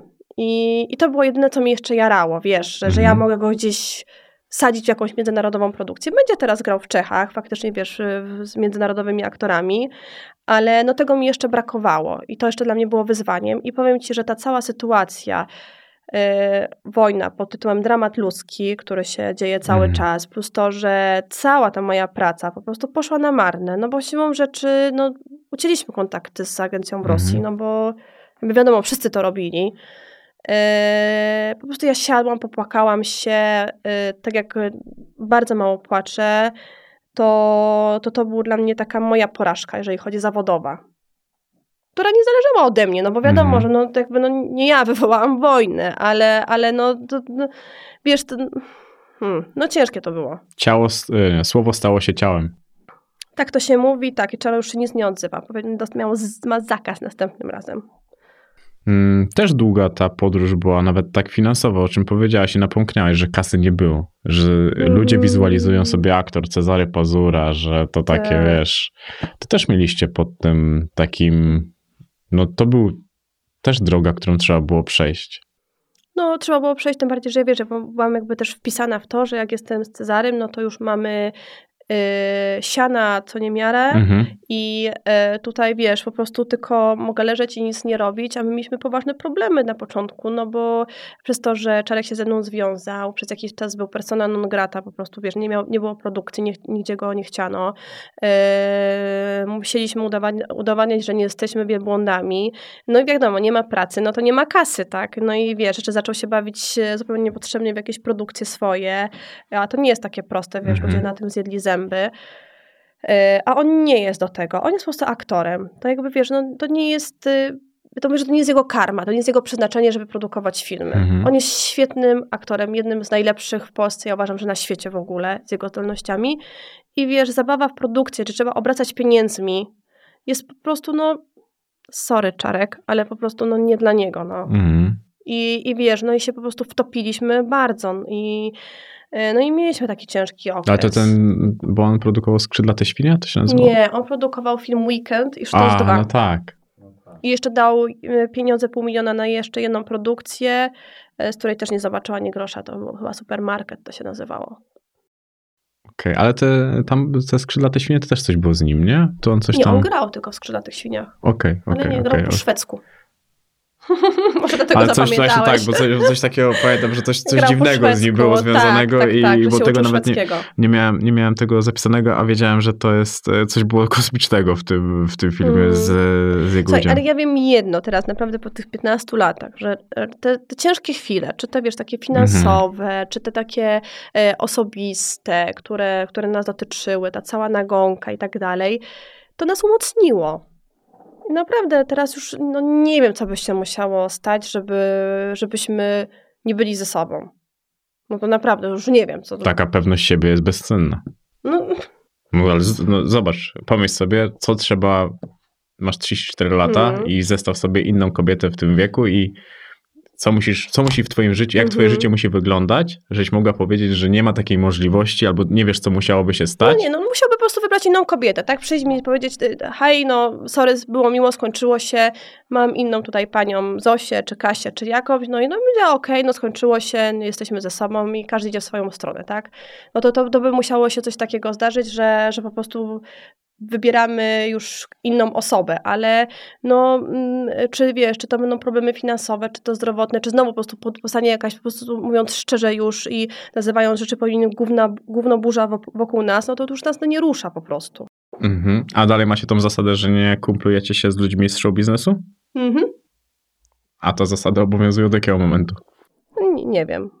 Bo zastan- Jakoś tak wyszło. Parę było jakichś takich dziwnych sytuacji, że, że wiesz, że, że jakoś tak, znaczy nie to, że ci nie kumplujemy, wiadomo, że jak jesteśmy gdzieś na imprezie, to my zawsze, nie ma tak, że o, nie kumplujemy się z tobą, nie- do nas nie, Mm. nie, to absolutnie, to po prostu nie, przy, nie, nie, nie wchodzimy w takie przyjaźnie, nie, nie, nie, nie, nie jesteśmy, nie wiem, w żadnym establishmencie, idziemy swoją drogą, jakby nie, nie kumamy się bliżej, wiesz, z, z ludźmi na zasadzie, że teraz będziemy, wiesz, razem jeździć na Mhm. wakacje i będzie tak super, tak? No To jakby o to chodzi, a nie, że wiesz, jak jesteśmy gdzieś na jakiejś imprezie, to wiadomo, bardzo chętnie ze wszystkimi pogadamy, wiesz, wymienimy się doświadczeniami. No nie, no ja sobie zdaję sprawę z tego, że nie widzisz kogoś i na niego plujesz. No, No, dokładnie, no, wiesz, to, ale twój odbiorca może to różnie, wiesz, ludziom tak trzeba, trzeba łopatologicznie. y, y, To by, to by było bardzo ciekawe, że ktoś do ciebie podchodzi. Nie, nie, ty nie po co, z krzyżem w ogóle i z czosnkiem. tak, ale jakby, y, no, Czyli, bo to, to też jest takie środowisko, gdzie na pewno przejawia się zazdrość, no, y, aktorzy rywalizują też o te same role, do tego są plotki, no bo plotki to jest chyba największa, największy pokarm środowiska. Ja też miałam jakieś takie sytuacje, jakieś takie, wiesz, trochę zaśmierdziało mi jakimś gimnazjum i takimi aferkami dziwnymi i po Mhm. prostu doszłam do wniosku, że jednak y, jestem dużą dziewczynką i nie chcę brać w tym udziału. Zaśmierdziało gimnazjum aferkami, co to znaczy? No, że wiesz, no, że jak się pojawia jakiś problem albo nieporozumienie, Mhm. no to ja biorę telefon i dzwonię do drugiej osoby i pytam się, halo, czy coś jest nie tak? Nie wiem, może e, czy coś powiedziałaś na mój temat, albo wiesz, a tutaj jest rozwiązywanie problemów przez Instagram i dla mnie to jest takie, no to nie, nie są moje... To jest niesamowite, co? Tak, Aż mi powiem ci, że jest, czuję się za, że, że, że, zażenowana, że muszę o tym mówić i jest mi z tym bardzo źle. Aż proszę cię o więcej kawy, ale no tak to jest, no niestety. Tak? No ja Ci miałam ludzie. taką sytuację, że y, coś luźno rzuciłam, jakiś żart i, i ktoś z tego w ogóle wydmuchał wielką aferę, jeszcze do tego mnie obraził i właśnie to robił za, za pomocą Instagrama i doszłam do wniosku, że to jednak nie są moje buty. A to miałeś z kimś taki otwarty konflikt? Nie, takie otwarte nie, była się jakby, wiesz, nie odzywałam się i... Czyli ktoś miał, ktoś miał z tobą? Ktoś miał chyba sam ze sobą i mnie włączył do tego. chcąc, nie chcąc. I jakby, no i wiesz, i no to tak bywa, niestety. I tak, wiesz, i tak doszłam do wniosku, że już takie czasy gimnazjum mam ze sobą i nie chcę jednak do tego wracać. Ale to bardzo, bardzo dobre określenie, że ktoś miał problem sam ze sobą i włączył ciebie do tego konfliktu. To, No to to jest, jest wiele ja nigdy tego nie osób. usłyszałem, ale to jest, e, to jest świetne, e, to jest świetne określenie czasami problemów niektórych ludzi. Miałem- Czasami bywam ładna i inteligentna. Mm, widzisz, i teraz z pełnym uśmiechem, ale i tak e, dorzuciłeś do tego śmiech. Miałam dwie propozycje od tańca z gwiazdami od dwóch różnych stacji. Hmm? Nawet nie wiem, czy więcej. No bo to. Miałam różne propozycje, jakiś Atlantyk, jakieś różne dziwne rzeczy. No i dlaczego nie? Dlatego, że nie. nie, nie zadowoli cię ta odpowiedź, dlatego, że no, ja nie widzę się w telewizji z pozycji uczestnika show. Po prostu. Byłam kiedyś raz, y, okej, zabawiłam się. Gdzie byłaś? W Top Chefie. Była taka jedna Okej. edycja, bo faktycznie mm, kiedyś jeszcze Tak, tak. Dużo, dużo gotowałam i to lubiłam. E, Teraz już z tym różnie bywa, mm, ale umiem gotować. Mhm. I, I zresztą nawet ostatnio, jak dzwoniła do mnie pani producent z Tańca z Gwiazdami, to ja powiedziałam szczerze, "Dlaczego- pani Edyto, czemu? Kasa ten? Ja mówię, że nie, mówię, kasę mam, jakby po prostu ja w telewizji nie chcę być z, oceniana znowu. Jakby nie chcę wchodzić, wiesz, ja byłam oceniana przez x lat. Ja nie Mhm. chcę znowu iść, żeby mnie obcy ludzie oceniali. No sorry, no ja wiem, że ja wiem, że jestem taka może czasami bardzo pragmatyczna i, i mówię o tym tak... Yy, mm, niedelikatnie, ale, y, ale jakby nie chcę być telewizji z pozycji uczestnika, po prostu. A, czyli jako juror w tańcu z gwiazdami? Nie, nie będę jurorem tańcu z gwiazdami, bo nigdy nie tańczyłam z gwiazdami. Jakby nie, nie, nie, mm, ja nie widzę się w telewizji. Mhm. Po drugie, telewizja to teraz nie jest prestiż, no proszę cię. A jeżeli Anna Nowak-Ibisz zakłada, zakłada kanał na YouTubie, to znaczy, że telewizja nie jest prestiżem. Pani Anna Nowak-Ibisz jest świetna i będzie youtuberką. Tak? No nawet nie wiedziałam, widzisz, no ale jakby wszyscy uciekają do internetu, wiesz, telewizja ma też to do siebie, że tam są stawiane warunki. Ja też jestem za bardzo buntowniczo nastawiona do tego, jak ktoś mi, wiesz, zaczyna te warunki stawiać i, i ja tego po prostu nie lubię, tak? Ja lubię grać po swojemu. Mhm. A jak ktoś ma mi powiedzieć, tu się pani skrzywi, tu uśmiechnie, tu skoczy, a e, tu jeszcze powie temu panu, że jest ładny, a ja uważam, że jest brzydki, no to po prostu ja tego nie zrobię, no. Bo i, Czarek kiedyś powiedział, że za, właśnie za to mnie kocha. Że Mhm. ja jestem charakterna i, i powiem to, co uważam i się, jeszcze się nie ugnę. to znaczy wiem, kiedy jak popełnię błąd, oczywiście jestem w Mhm. stanie się przyznać, powiedzieć, że przepraszam, źle zrobiłam, bo, bo to jest ludzkie, ale jakby nie, nie udaję, że nagle, nie wiem, chwast jest piękny. Bo dla mnie nie jest po prostu. I jakby nie, no i nie zmienię zdania. Zabrakło ci kiedyś takiego właśnie ugięcia się? Że dzisiaj patrzysz z perspektywy czasu i wiesz, że no, mogłam się ugiąć. Mogłam mniej mówić. To kiedy? A miałam w pewnym momencie taki niewyparzony język i byłam tak, wiesz, wojowniczo nastawiona, w szczególności jak mnie atakowano, to ja, wiesz, robiłam kontrataki. E, no to to wtedy, ale że się Raczej nie. A powiedziałaś coś takiego skrajnie głupiego? Dzisiaj z perspektywy czasu? No, pewnie wiele razy. Ale niczego tak nie... Od Że tak nie przychodzi? Mhm. Nie, ale na pewno wiele razy powiedziałam coś głupiego. Co ty? No, Znam się. nie, no jak ktoś znam się, ale po prostu, ale to jest, wiesz, z drugiej strony to, że jesteśmy, mówimy głupie rzeczy, i to ta odrobina szaleństwa też jest w nas piękne, no. Mhm. Po co mamy cały czas, wiesz, siedzieć? Ja wiem, że świat tego od nas wymaga, żebyśmy byli perfekcyjni i poprawność polityczna, która jest, żeby najpierw, wiesz, ja bym teraz siedziała i w ogóle trułać, wiesz, e, jakieś teorie z książek. No ja wiem, że to Nie, jest no właśnie, fajne, właśnie, ale... właśnie fajne jest to, że dojrzewasz, zmieniasz się, możemy o tym pogadać. No bo gdybyś rzucała Mm. teorię z książek, no to kiedy przyszedłby następny gość, mówiłby dokładnie te same, te same teorie i wtedy to byłoby to kompletnie bez sensu, a twoja historia jest unikatowa Mm, i nawet jak sobie pomyślisz o tym, że jest dziewczyna, która ma 19 lat, niezależnie Mhm. jak, kto jest jej partnerem, ale że jest 19 lat, zakochuje się i ten związek trwa do tego momentu, to nawet już to jest coś takiego, co w dzisiejszym świecie nie jest zbyt oczywiste, że tyle lat od tego 19 roku życia jesteś z kimś i ja, o tym też warto pomyśleć, że jednak No tak. Ty, wiesz, to nie jest tak, bo Cezary Pazura zakochał się w to, zobaczył ciebie jako tam w tym pociągu, jako dziewiętnastolatkę, Mhm. ale on przechodził z tobą każdy moment twojego życia, to Ale oczywiście, ale słuchaj, ale on nawet teraz mówi, że czasami jak stoimy, stoimy na przykład gdzieś w łazience i on jest obok mnie i ja widzę, że on mi się przygląda. no macie prysznic naprzeciwko siebie, Mamy że... prysznic, ale to co tam prysznic? Prysznicem się inne rzeczy robię. Okej, Po prostu jesteśmy, stoimy Mhm. obok siebie, nie wiem, maluje się, przygotowuje się i wiesz, i on, y, i ja widzę, że on, bo ja czuję jego wzrok Mhm. na, na sobie i on mówi, że to jest niesamowite. A ja mówię, co? Mówi, ja cię poznałem, gdy miałaś 19 lat, byłaś niby ta sama, a zupełnie inna, że dalej jesteś moją Edytą, ale jednak już jesteś y, pewna siebie, bardziej dojrzała, wiesz, ja byłam dzikusem takim, Mhm. no błagam cię, no. Ty pytasz się, czy ja głupotę powiedziałam, no pewnie, no wiele razy. Myślałem, że ty, wiesz, wyrzucisz jakąś taką z e, kapelusza, coś takiego skrajnie głupiego.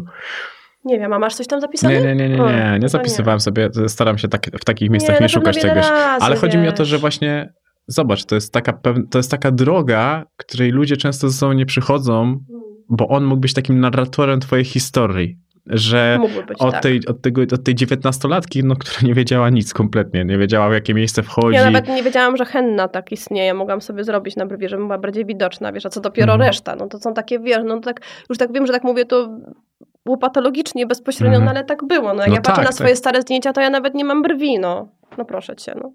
I wiesz, i no to, to No jak on nawet określał ciebie, że, że byłaś taka naiwna, że taka po Bardzo. prostu, taka kochana i, i że on się w tym dlatego zatracił, bo on takiego świata już po prostu nie znał. On Mm. był starym kotem, który widział wszędzie, był wszędzie, że ten, ten mrok taki, bo on tak to chyba u mnie określał jakoś, że, że ten mrok go trochę pochłonął, że był No ja go z tego mroku też wyciągałam, nie? Bo to już jakby też jest kolejna historia, że, że on widział jakby moje, moje życie od 19 roku życia do 34, a ja go, wiesz, step by step wyciągałam z mroku. Bo on miał poprzestawiony świat mocno. Co to znaczy, że poprzestawiony No świat? miał granice poprzesuwane, wiesz, co można, a czego nie można. y, No, Ym, hmm, jakby ci to powiedzieć. Poczekaj, muszę się zastanowić. Mamy czas. Mamy czas, okej. No on był taki, strasznie dużo pajacował w ogóle Mhm. co mnie się nie podobało bardzo. Wiesz, e, był bardzo wylewny, e, czasami aż za bardzo wylewny. E, z drugiej strony łatwo się wściekał, mm, bardzo. Em, myślał, że może innych ustawiać, więc to też była taka, wiesz, delikatna sodówka w Mhm. głowie, którą ja przez to, że byłam taką zupełnie, wiesz, normalną dziewczyną z osiedla, no to mu tak wbijałam do głowy, że słuchaj, no to jest nie tak, to jest nie tak, że faktycznie no, spotkałam gwiazdora, wiesz, i on w tym gwiazdorzeniu się trochę zatracił i to było czuć i widać. E, Mhm. A dla mnie e, to było dosyć, dosyć kontrastowe jako dziewczyny, która mm, no, przyszła z, tutaj tak naprawdę z ulicy, no. Czyli postawiłaś go do pionu. Tak. ale on też to mówi.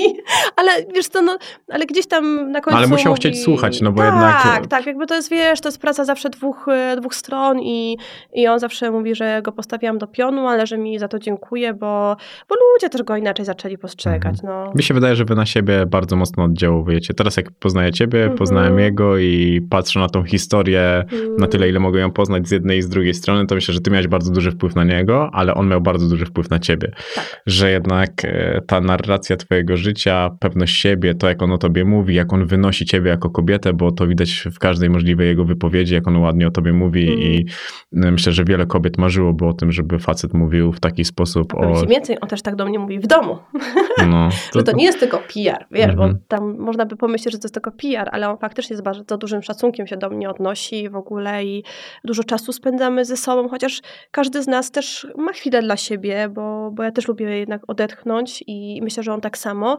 to, mm, no to, to co on mówi, to jest y, przenoszone na życie. I myślę, że to jest w tym wszystkim najlepsze. Bo mówić to sobie Mhm. można, wiesz, no ja wszystko mogę ci powiedzieć teraz. No jak to sprawdzisz? no nie sprawdza jest A, widzisz, wariograf tutaj. Tak, Mówię ci, no. wariograf. To by wariograf. dopiero była zabawa. Nikt by nie przyszedł do ciebie. To, to, myślę, że tu było kilku takich, co by nawet wariograf okłamali. Tak. tak. tak. A chciałabyś mieć dalej starego Mustanga, czy już ci przeszło? Oczywiście, że chcę mieć dalej. To jest chyba rzecz, która mi nie przejdzie. Tak? To cabrio. Mm, ale nie ma nigdzie. Przynajmniej nie. Nie. No są stare Mustangi. Tak? No my nie wiedzieliśmy. Ze Stanów trzeba sprowadzać. Hmm. Akurat moi znajomi mają e, starego Mustanga. No może chcą sprzedać? A, to chyba pa- pamiątka po tacie właśnie tamtej. A, no widzisz, no to, to, to A dalej chcesz, chcesz zobaczyć Japonię, czy już... bardzo. Tak. To są takie, wiesz, marzenia, które się, nie spełnia, które się spełnią, ale które się nie zmieniają. O. No, to, to, to tak też myślałem, tylko zastanawiałem się, na ile to już może jest tam dokonane, czy, czy nie dokonane. Japonia A masz coś takiego, co dalej. fascynuje tam? Japonia? Mhm. W ogóle ta kultura mnie bardzo fascynuje. To jest zupełnie inny świat. zupełnie inny świat. I tak słyszałam od wielu osób, że jak tam się e, już jak się ląduje, to, to jest w ogóle jak kosmos. I mnie takie inne światy no, bardzo pociągają. Nie wiem czemu, ale no tak, e, tak mam. E, I wiesz, i wiem, że pewnie tutaj wszyscy marzą o Bentleyu albo o Porsche nowym, a ja o starym Mustangu, no ale no, tak mam. Dlatego jesteś jaka jesteś. Jesteś zupełnie kimś innym, bo nawet ta twoja historia daje do takiego, do zrozumienia to, że właśnie ktoś by przyjmował propozycję z Tańca z Gwiazdami, z Ameryki Express, z tego wszystkiego, co Mhm. mogłoby po kolei przychodzić, a ty piszesz swoją historię i ta historia jest bardzo pokrewna do tej dziewiętnastolatki, Mhm. która wtedy była, że zachowując taką rozwagę, przy tym, że dalej jesteś takim harpaganem, który po prostu chce ciągnąć e, swój wózek, a Nawet nie tak mnie podpinać nazywali, Harpaga, no właśnie. a chce ciągnąć swój wózek, a nie dopinać się do wózka z nazwiskiem, które jest dość e, fajne i, i to robi. Czy wiesz co, tak, ja sobie cenię niezależność, to na pewno, taką niezależność yy, nawet powiedzmy medialną, bo, bo ja buduję swoje zasięgi sama. Mhm. I sama ja zbudowałam. Nikt mi w tym nie pomógł, ani nie pomogło mi żadne show, ani żadna telewizja. E, To znaczy, nawet jeżeli mam 250 tysięcy, powiedzmy tam Mhm. na Instagramie, pewnie to nie jest dużo, ale ja mam to poczucie, że ja tą społeczność zbudowałam sobie sama od zera. Tym, kim jestem, tym, co mówię, tym, że prowadzę Tym blog. jaka jesteś na pewno. Pewnie jaka jestem, tym, że prowadzę e, blog, e, tym, że dzielę się niektórymi rzeczami ważnymi czy doświadczeniami, ale ja sobie to sama zbudowałam i ja jestem z tego bardzo dumna, że nie zrobiła tego za mnie, nie zrobił za, za mnie tego żaden, żadne show, Mhm. żaden program telewizyjny, tylko zrobiłam to sama. Oczywiście za pewnie z pomocą nazwiska. To nazwisko Mhm. jest pomocne tych, y, w takim aspekcie. Do czegoś Czarek przydał. Nie, słuchaj, ja, ja nigdy nie mam, to znaczy, jeżeli ktoś mi mówi, że ja jestem, y, że dużo zawdzięczam mojemu mężowi, to ja nie powiem, że nie. Mhm. Bo ja znam takie kobiety, które są sławne dzięki swoim mężom i pewnie gdyby nie oni, to one by też nie były tam, gdzie są teraz. Mhm. I ja też o tym wiem. Tylko, że ja sobie z tego, jestem tego świadoma, że ja bym nie zbudowała tego świata, nie zbudowała tych zasięgów e, bez czarka. Ja o tym wiem, że ja pewnie byłabym jakąś tam Edytą Zając gdzieś. Mhm. Nie byłabym tą Edytą Pazurą. I, I ja jestem tego świadoma, wiesz, no nie będę się tego wypierać, no bo to, tak, tak jest. No, ktoś, jak ktoś tego wypiera, no to znaczy, no, no nie zna życia tak naprawdę. I y, tylko, że też patrząc z drugiej strony, nie wiadomo, gdzie byłby Czarek, gdybym nie ja była. Gdyby mnie nie było przy nim. Y, być może byłoby mu jeszcze lepiej niż teraz, a być może by się stoczył i w tym roku się zatracił, bo są też takie przypadki. Więc wiesz, no, na dwoje babka wróżyła. No nie wiadomo. Co z twoim kanałem na YouTubie? Nie mam kanału na YouTubie, nie będę mieć. Przecież był. Był, ale wiesz co, mnie, mnie już tematy parentingowe nie pociągają. Mhm. To, był, mm, to był kanał typowo parentingowy. Mhm. Wiesz, ja już Oglądałem. Go, naprawdę oglądałeś, ale co, jak się rodzi, czy co? Nie, jak się nie, nie, zmienia nie. Tam na szczęście były, no, były pytania, odpowiedzi. E, była tam, też był też tam Czarek. E, opowiadałaś o, mm, kurde, o swa- związku z facetem, faceta z przejściami. Mm, więc tam wiesz. E, Tak? Tak, tak. No, oglądałem, naprawdę oglądałem. O kurczę. Mm, więc... Czasami wiesz co, czasami jak patrzę się na to, co zrobiłam, Mhm. e, albo jak ktoś mi o tym mówi, albo ja do tego wracam z perspektywy czasu, to mówię, kurczę, to, to było całkiem niezłe, tak? tak wiesz, Mhm. czasami mam takie przemyślenia, że coś było faktycznie bardzo głupie, albo no, są takie też rzeczy, które No powinnaś gdzieś- być z nich dumna. Z których powinnam być dumna, tak, ale nigdy tego nie skonsumowałam.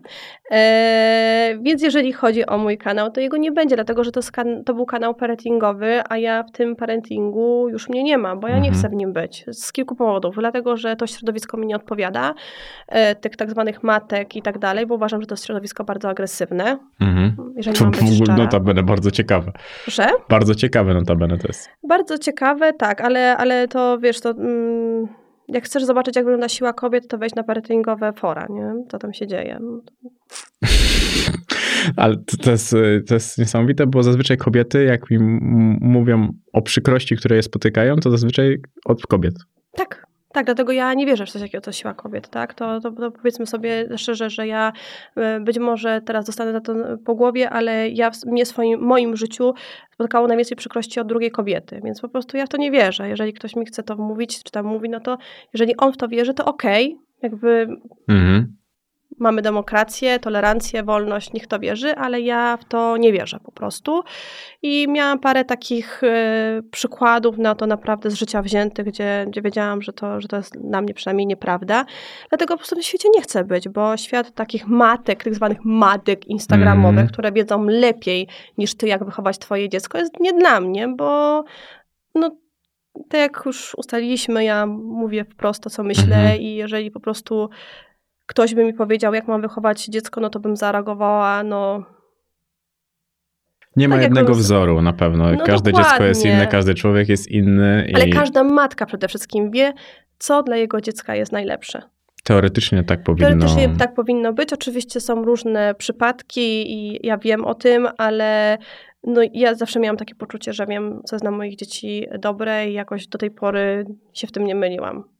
A pewnie na moim miejscu inne matki zro- robiłyby zupełnie coś innego. No jasne, że tak, tylko to ty jesteś matką, to ty potem będziesz z tego rozliczana koniec końców Mm, i, Dokładnie.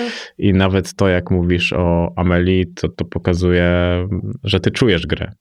Że ty Tak, wiesz, kiedy wiesz, co uczymy je. się całe życie. To nie jest tak, Mm. że my się rodzimy i, i jesteśmy od razu wspaniałymi matkami. Ja to o tym mówię otwarcie, że wiesz, jak ja urodziłam Amelię i zobaczyłam dziecko nagle obok siebie, to miałam takie, o matko. Mhm. I jeszcze wszyscy mi wmawiali, że mam je od razu kochać, to miałam drugie, o matko. To jest, bo to tak nie było. To przynajmniej u mnie i ja wiem, że to tak nie jest, że się rodzi dziecko i już po prostu serpentyny, miłość, tylko różowych balonów brakuje. No, no nie, no ja pamiętam, że podeszłam do Amelii, ona była w takim tym łóżeczku szpitalnym i powiedziałam, cześć, no teraz się musimy ze sobą zaprzyjaźnić. No i tak to trwa do dzisiaj. No, Całkiem naturalne podejście.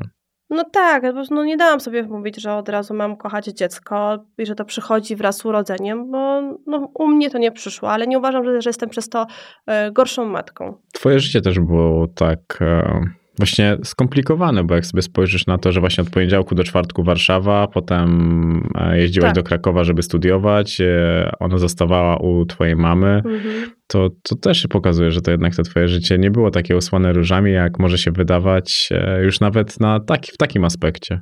Tak, no jakoś tak zawsze miałam gdzieś tam pod górę i to faktycznie było dla mnie teraz z perspektywy czasu, wiesz, jak patrzę sobie na, nie wiem, jestem na przykład na dworcu centralnym w Warszawie, ostatnio byliśmy z Czarkiem, to tak roz, rozejrzałam się po tym peronie i powiedziałam matką wieczorem, nigdy w życiu bym już tego nie powtórzyła. Mhm. Że z małym dzieckiem pod pachę, pod pachę wiesz, w czwartek z Warszawy do Krakowa, gdzie nie było pendolino. Cztery godzinki. Cztery albo pięć nawet, Mhm. słuchaj. To było w takim najgorszym momencie, bo wszystko, e, cała atrakcja była w remoncie.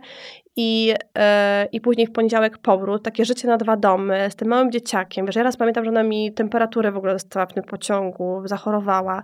No jakieś takie w ogóle chore sytuacje i teraz powiem ci, że nie podjęłabym się tego. Człowiek jest trochę Wolałabym rozsądniejszy. bez studium zostać. Z czego jesteś najbardziej dumna, jak myślisz o swoim życiu? Nie uciekaj w dzieci przypadkiem. Nie, nie, nie, no wiesz, no, wiesz no, jeszcze nie wiem, bo one jeszcze nie dorosły, Mhm. zobaczymy za 15-20 lat. Hmm.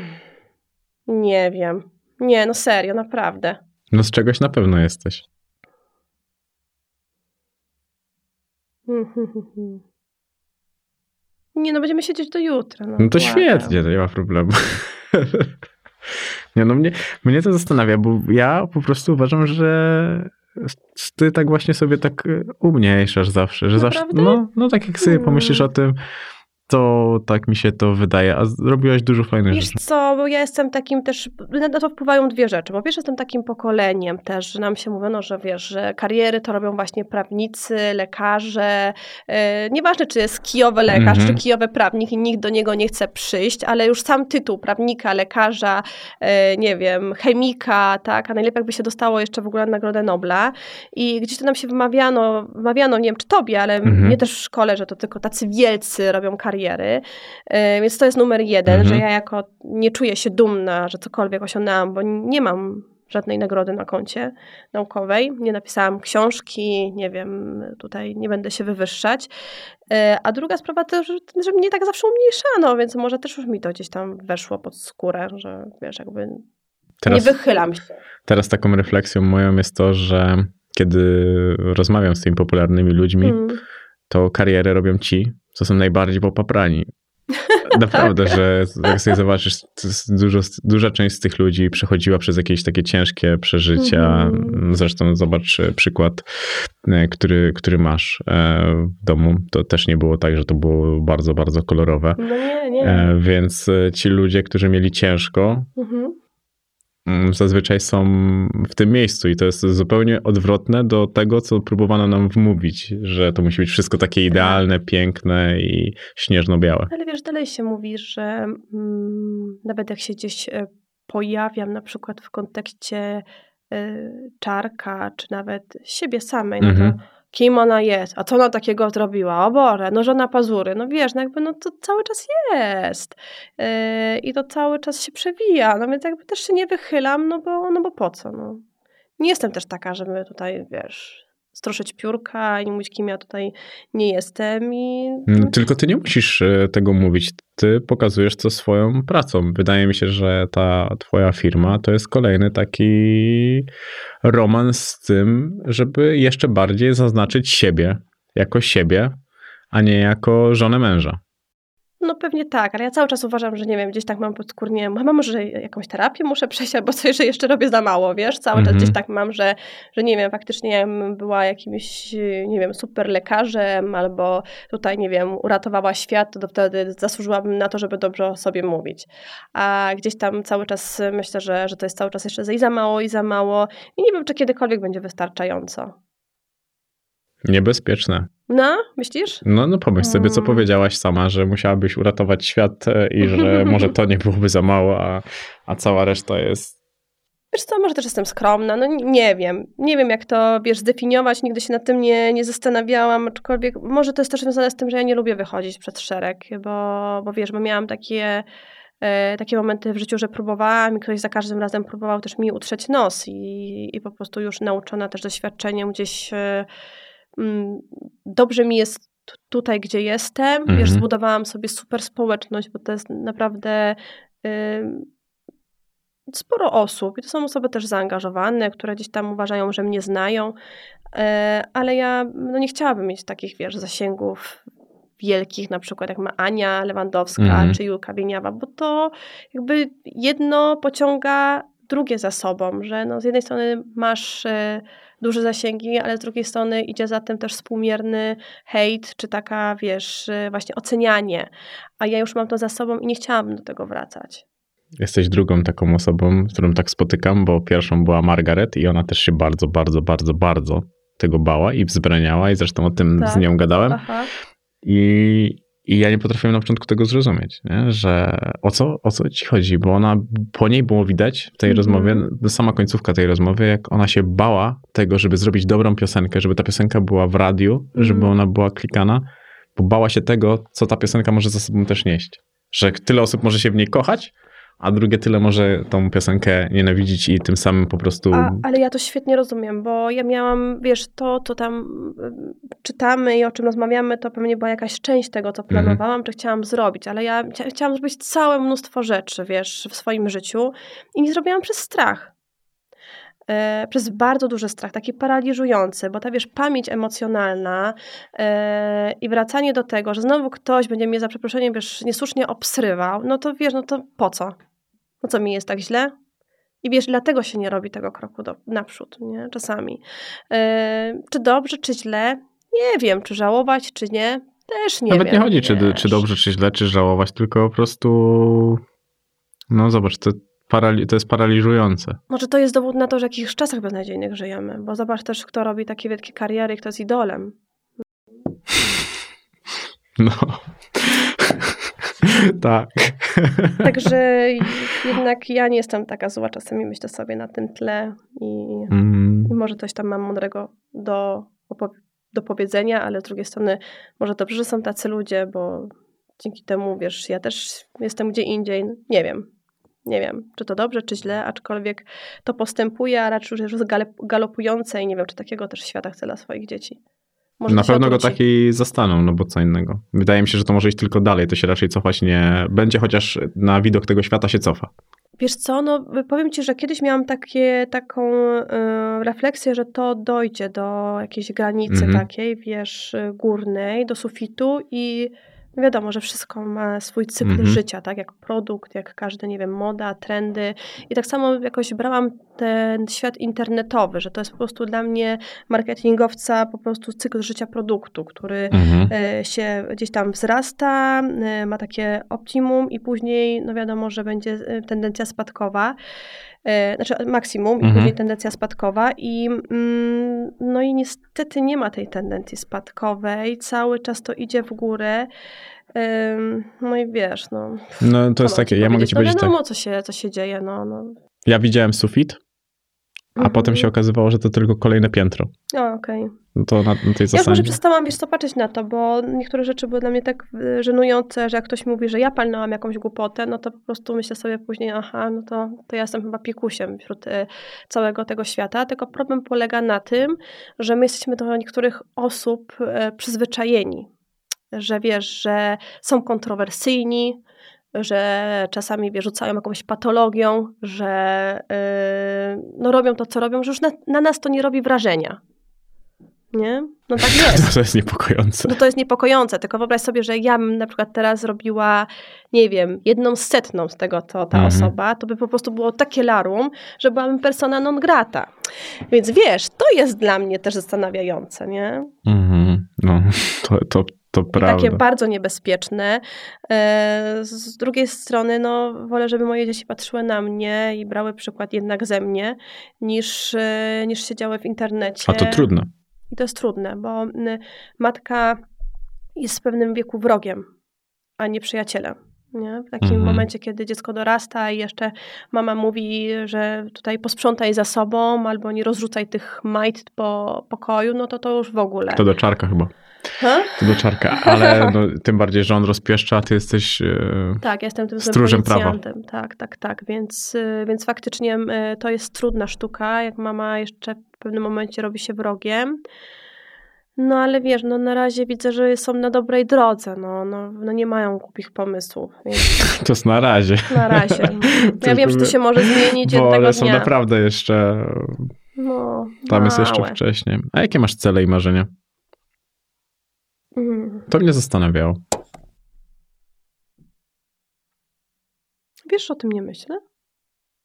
Ja żyję z dnia na dzień, naprawdę. Kiedyś miałam marzenia, kiedyś marzyłam, kiedyś jakieś takie, właśnie nie wiem, czy o tej Japonii, znaczy nadal chcę zobaczyć, ale nie mam takich marzeń. Że miałam, trochę w życiu różnych e, rzeczy mnie spotkało, że dla mnie jest najważniejsze, żebyśmy byli zdrowi. Ja wiem, że to brzmi dziwnie, brzmi płasko, brzmi banalnie, mhm. E, bo zawsze nam mówiono, jak dziecko ma się rodzić, to żeby było zdrowe, ale powiem Ci, że w kontekście tego, co się dzieje na świecie, co się dzieje blisko nas, z czym przychodzą do mnie ludzie, bo ja dostaję też setki tysięcy próśb różnych, to dla mnie zdrowie jest bezcenne. Mm, bo ja wiem, że ze wszystkim innym sobie poradzę już teraz i mój mąż sobie poradzi, my w ogóle jako rodzina sobie poradzimy, e, a, a to jest jednak najważniejsze i tego nie doceniamy, czyli pokój i zdrowie. Brzmi banalnie, nie? Nie, nie, nie, brzmi, brzmi dojrzale, bo to dochodzi w pewnym momencie do ciebie, że to jest ważne. Tak? No tak. ja kiedyś jak powiedziałam, to ktoś mi powiedział, że brzmi banalnie. Ja Ale to no tak samo jak ktoś banalny. mi opowiada o miłości i mówię, no to takie banalne, a ja mówię, a co w miłości ma być niebanalnego? Miłość ma być banalna, miłość ma być banalna, często przewidywalna.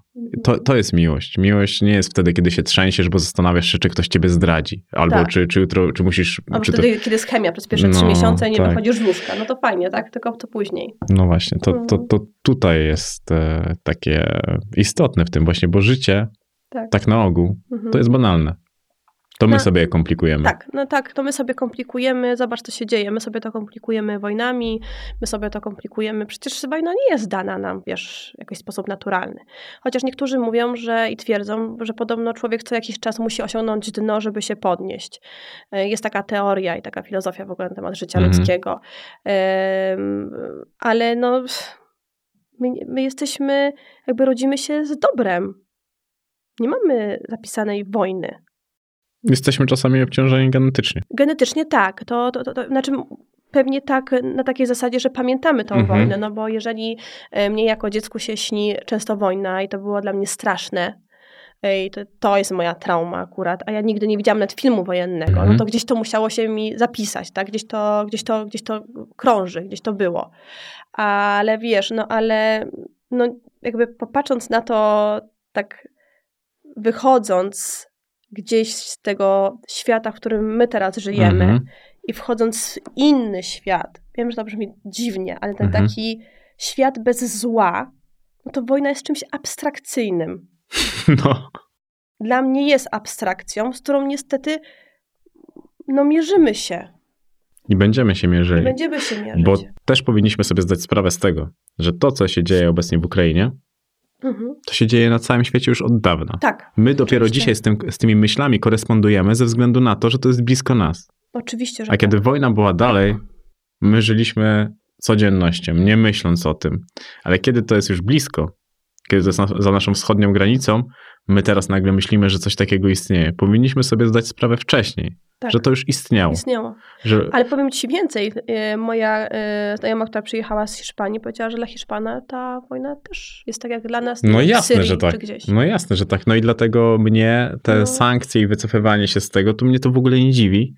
I ogólnie e, nas jako Polaków też nie powinno dziwić, bo jak my reagowaliśmy, jak była wojna na Syrii? My reagowaliśmy?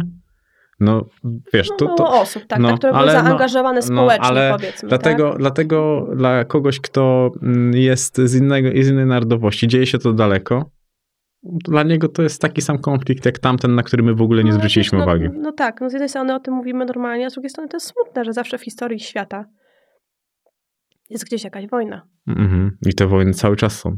To nie było tak, Dokładnie. że był kiedyś pokój. Nie, nie, nigdy tak naprawdę. No, więc to pokazuje, że ludzie jako jednostki to jednostki ułomne i chciwe. Dziwne, tak. bo prawda. każdą cywilizację niszczyła zawsze chciwość. I tutaj dochodzimy do tego, że masz odpowiedź, dlaczego w pewnym momencie powiedziałam, że o tym świecie, że piękny, ale ludzie właśnie mm-hmm. tacy, jacy. Jacy ludzie. Hmm? Tacy jacy ludzie. No właśnie. Tacy Kończąc jacy. już powoli, zmierzając do końca, co cię spotkało w życiu najpiękniejszego? Dużo pięknych e, momentów mam w życiu, miałam. Mhm. Ale jeszcze tak myślę sobie, że dużo jeszcze tych przede mną, ale no wiesz, sam fakt, że, że jesteśmy teraz Czarkiem ze sobą po tych 15 latach, które nie były um, łatwe, to dla mnie jest jakiś rodzaj cudu, wiesz, Mhm. takiego czegoś pięknego, bo mm, bo ta miłość jest piękna po prostu. I to jest znowu takie banalne i takie, wiesz, wydawałoby się, że proste, ale... Mm, Ale my dążymy do tego, żeby życie było proste. Mm, tak, ale myślę, że to jest najpiękniejsza rzecz, jaka w życiu mnie e, spotkała, to, że my nawet nie to, że razem, że się spotkaliśmy, Mhm. bo to i tak by było nam gdzieś dane, jeżeli tak miałoby być, tylko że my przetrwaliśmy to wszystko i te różne burze i takie, wiesz, najgorsze chwile i że jesteśmy tu, gdzie jesteśmy. Nic dziwnego, bo znasz małżeństwa, pary, które się właśnie przez mniejsze Mhm. rzeczy już by dawno, No tak, rozstały. dawno wysypały. No i też żyłyby kreacją czasami. No niestety, no wiesz, no też y, jakby obecny świat trochę od tej kreacji od nas y, oczekuje. Z jednej strony mówimy, że y, walczymy o tolerancję, o to, żeby było, wiesz, żeby wszyscy mogli robić to, co, to, co chcą, a z drugiej strony cały czas się jednak kreujemy. Wiesz, ja znam takich, którzy w ogóle mają ludzi, specjalistów od PR-u, no żeby gdzieś się w jakieś standardy wbić, więc wiesz, no to Piekło. no jedno wyklucza drugie tak naprawdę, no. Mm, To, to, to nie ja. To krótka polecajka. Co ostatnio oglądałaś? Bo słyszałem, że książki to tylko zaczynasz. Książki tylko zaczynam? No, tak że nie kończysz, podobno. Twój mąż. Naprawdę? Mhm. Że ty mało co kończysz. Że z dużo zaczynasz, ale mało co kończysz. Nie, kończę książki. Nie, to jest tak, że faktycznie, wiesz co, no mnie książka musi wciągnąć i, i, i nieprawda, że nie kończę. To w większości kończę. To Mhm. Porozmawiam z nim, jak wrócę.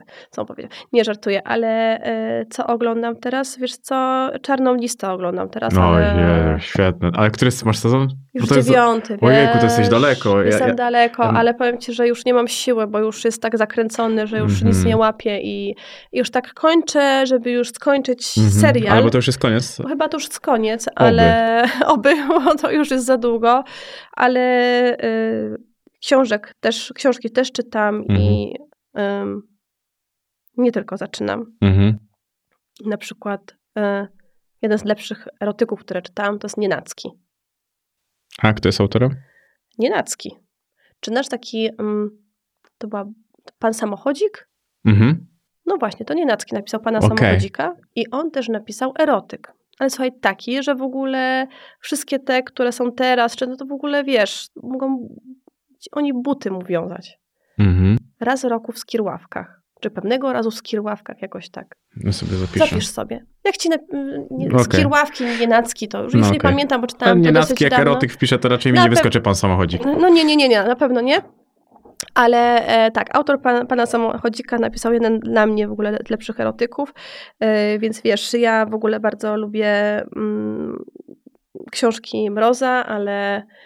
E, Wiem, że on szybciej pisze niż ty czytasz. Tak. Widziałem to na twoim Instagramie. a, okej. No, więc jakby nie nadążę nad nim, za nim. E, no i chyba tyle. Polecam Kasi Bondę o włos. Właśnie, skup, właśnie kupiłam sobie y, cztery albo pięć dni temu. Świetna książka. Tak? No, Powiedziałem właśnie. Kasi, że przerażające jest to, co ona ma w głowie, jak ona się No. wciela w pierwszej osobie, w psychopatę i ja to czytam, gdzie nie jestem bojaźliwy, Ale się boisz?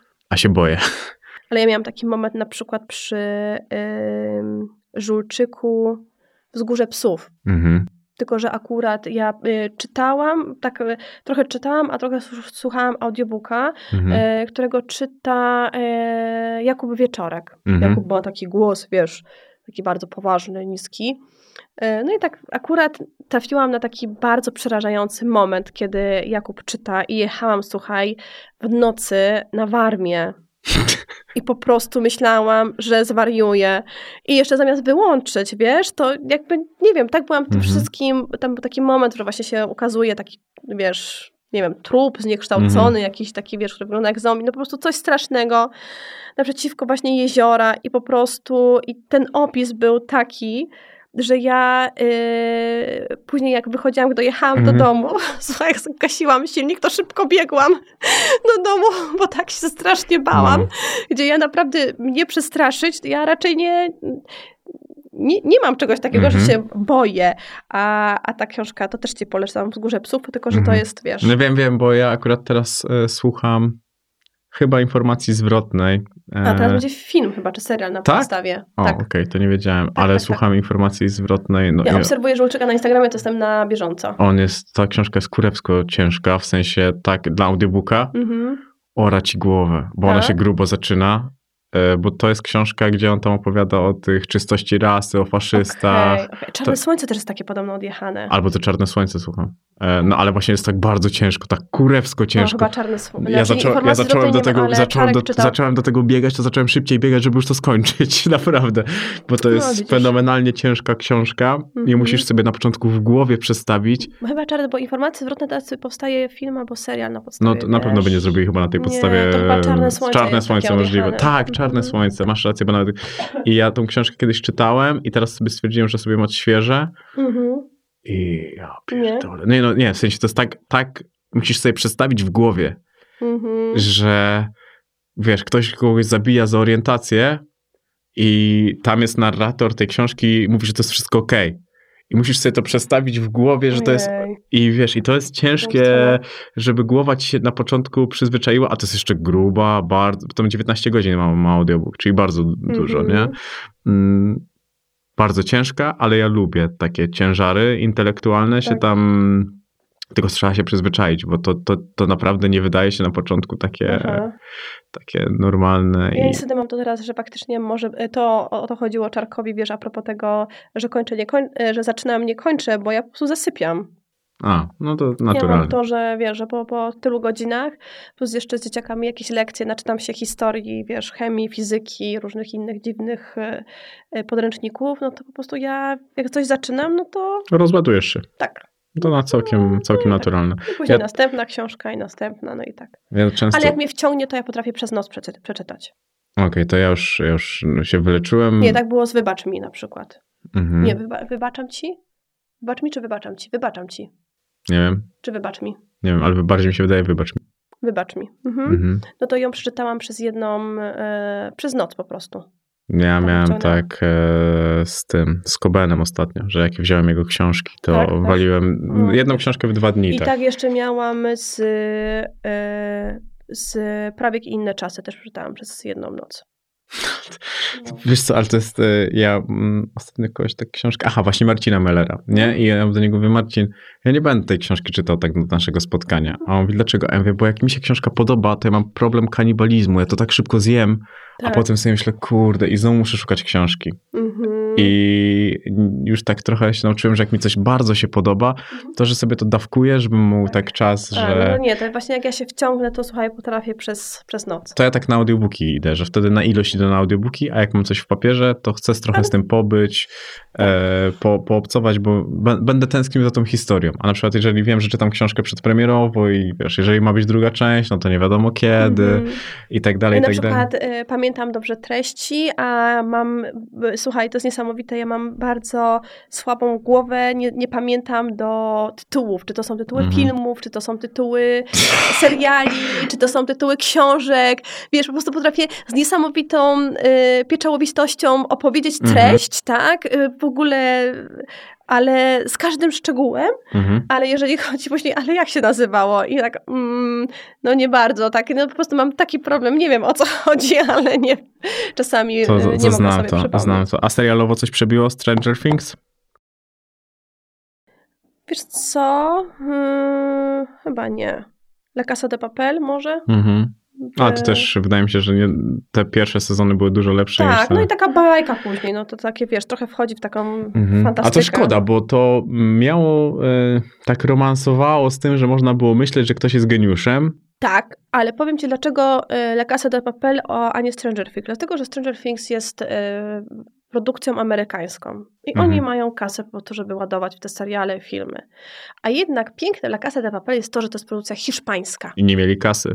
I w ogóle pierwszy sezon, nie, nie wiem czy wiesz, że pierwszy sezon po prostu był w telewizji hiszpańskiej i nie dostali nawet kasy na kontynuację tego. No widzisz, tego nie wiedziałam, ale ja bardzo, wiesz, y, mocno trzymam kciuki, że to takie produkcje, bo ja bym chciała w końcu, żeby europejskie kino y, też było docenione w świecie.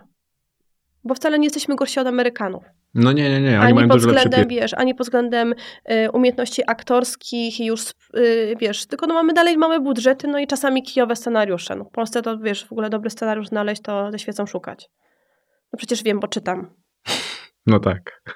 Kto jak nie, nie ty. I zasypiam szybciej niż przy książce. O, świetnie. A muzycznie czegoś słuchasz? Muzycznie, no czekaj, muszę ci odpalić. Wiesz co, ja poczekaj, zaraz ci powiem. Kartki, dziewczyna szamana. O! Ja widziałem, że ty e, raz Czarkowi rzuciłaś taki hip-hopowy quiz.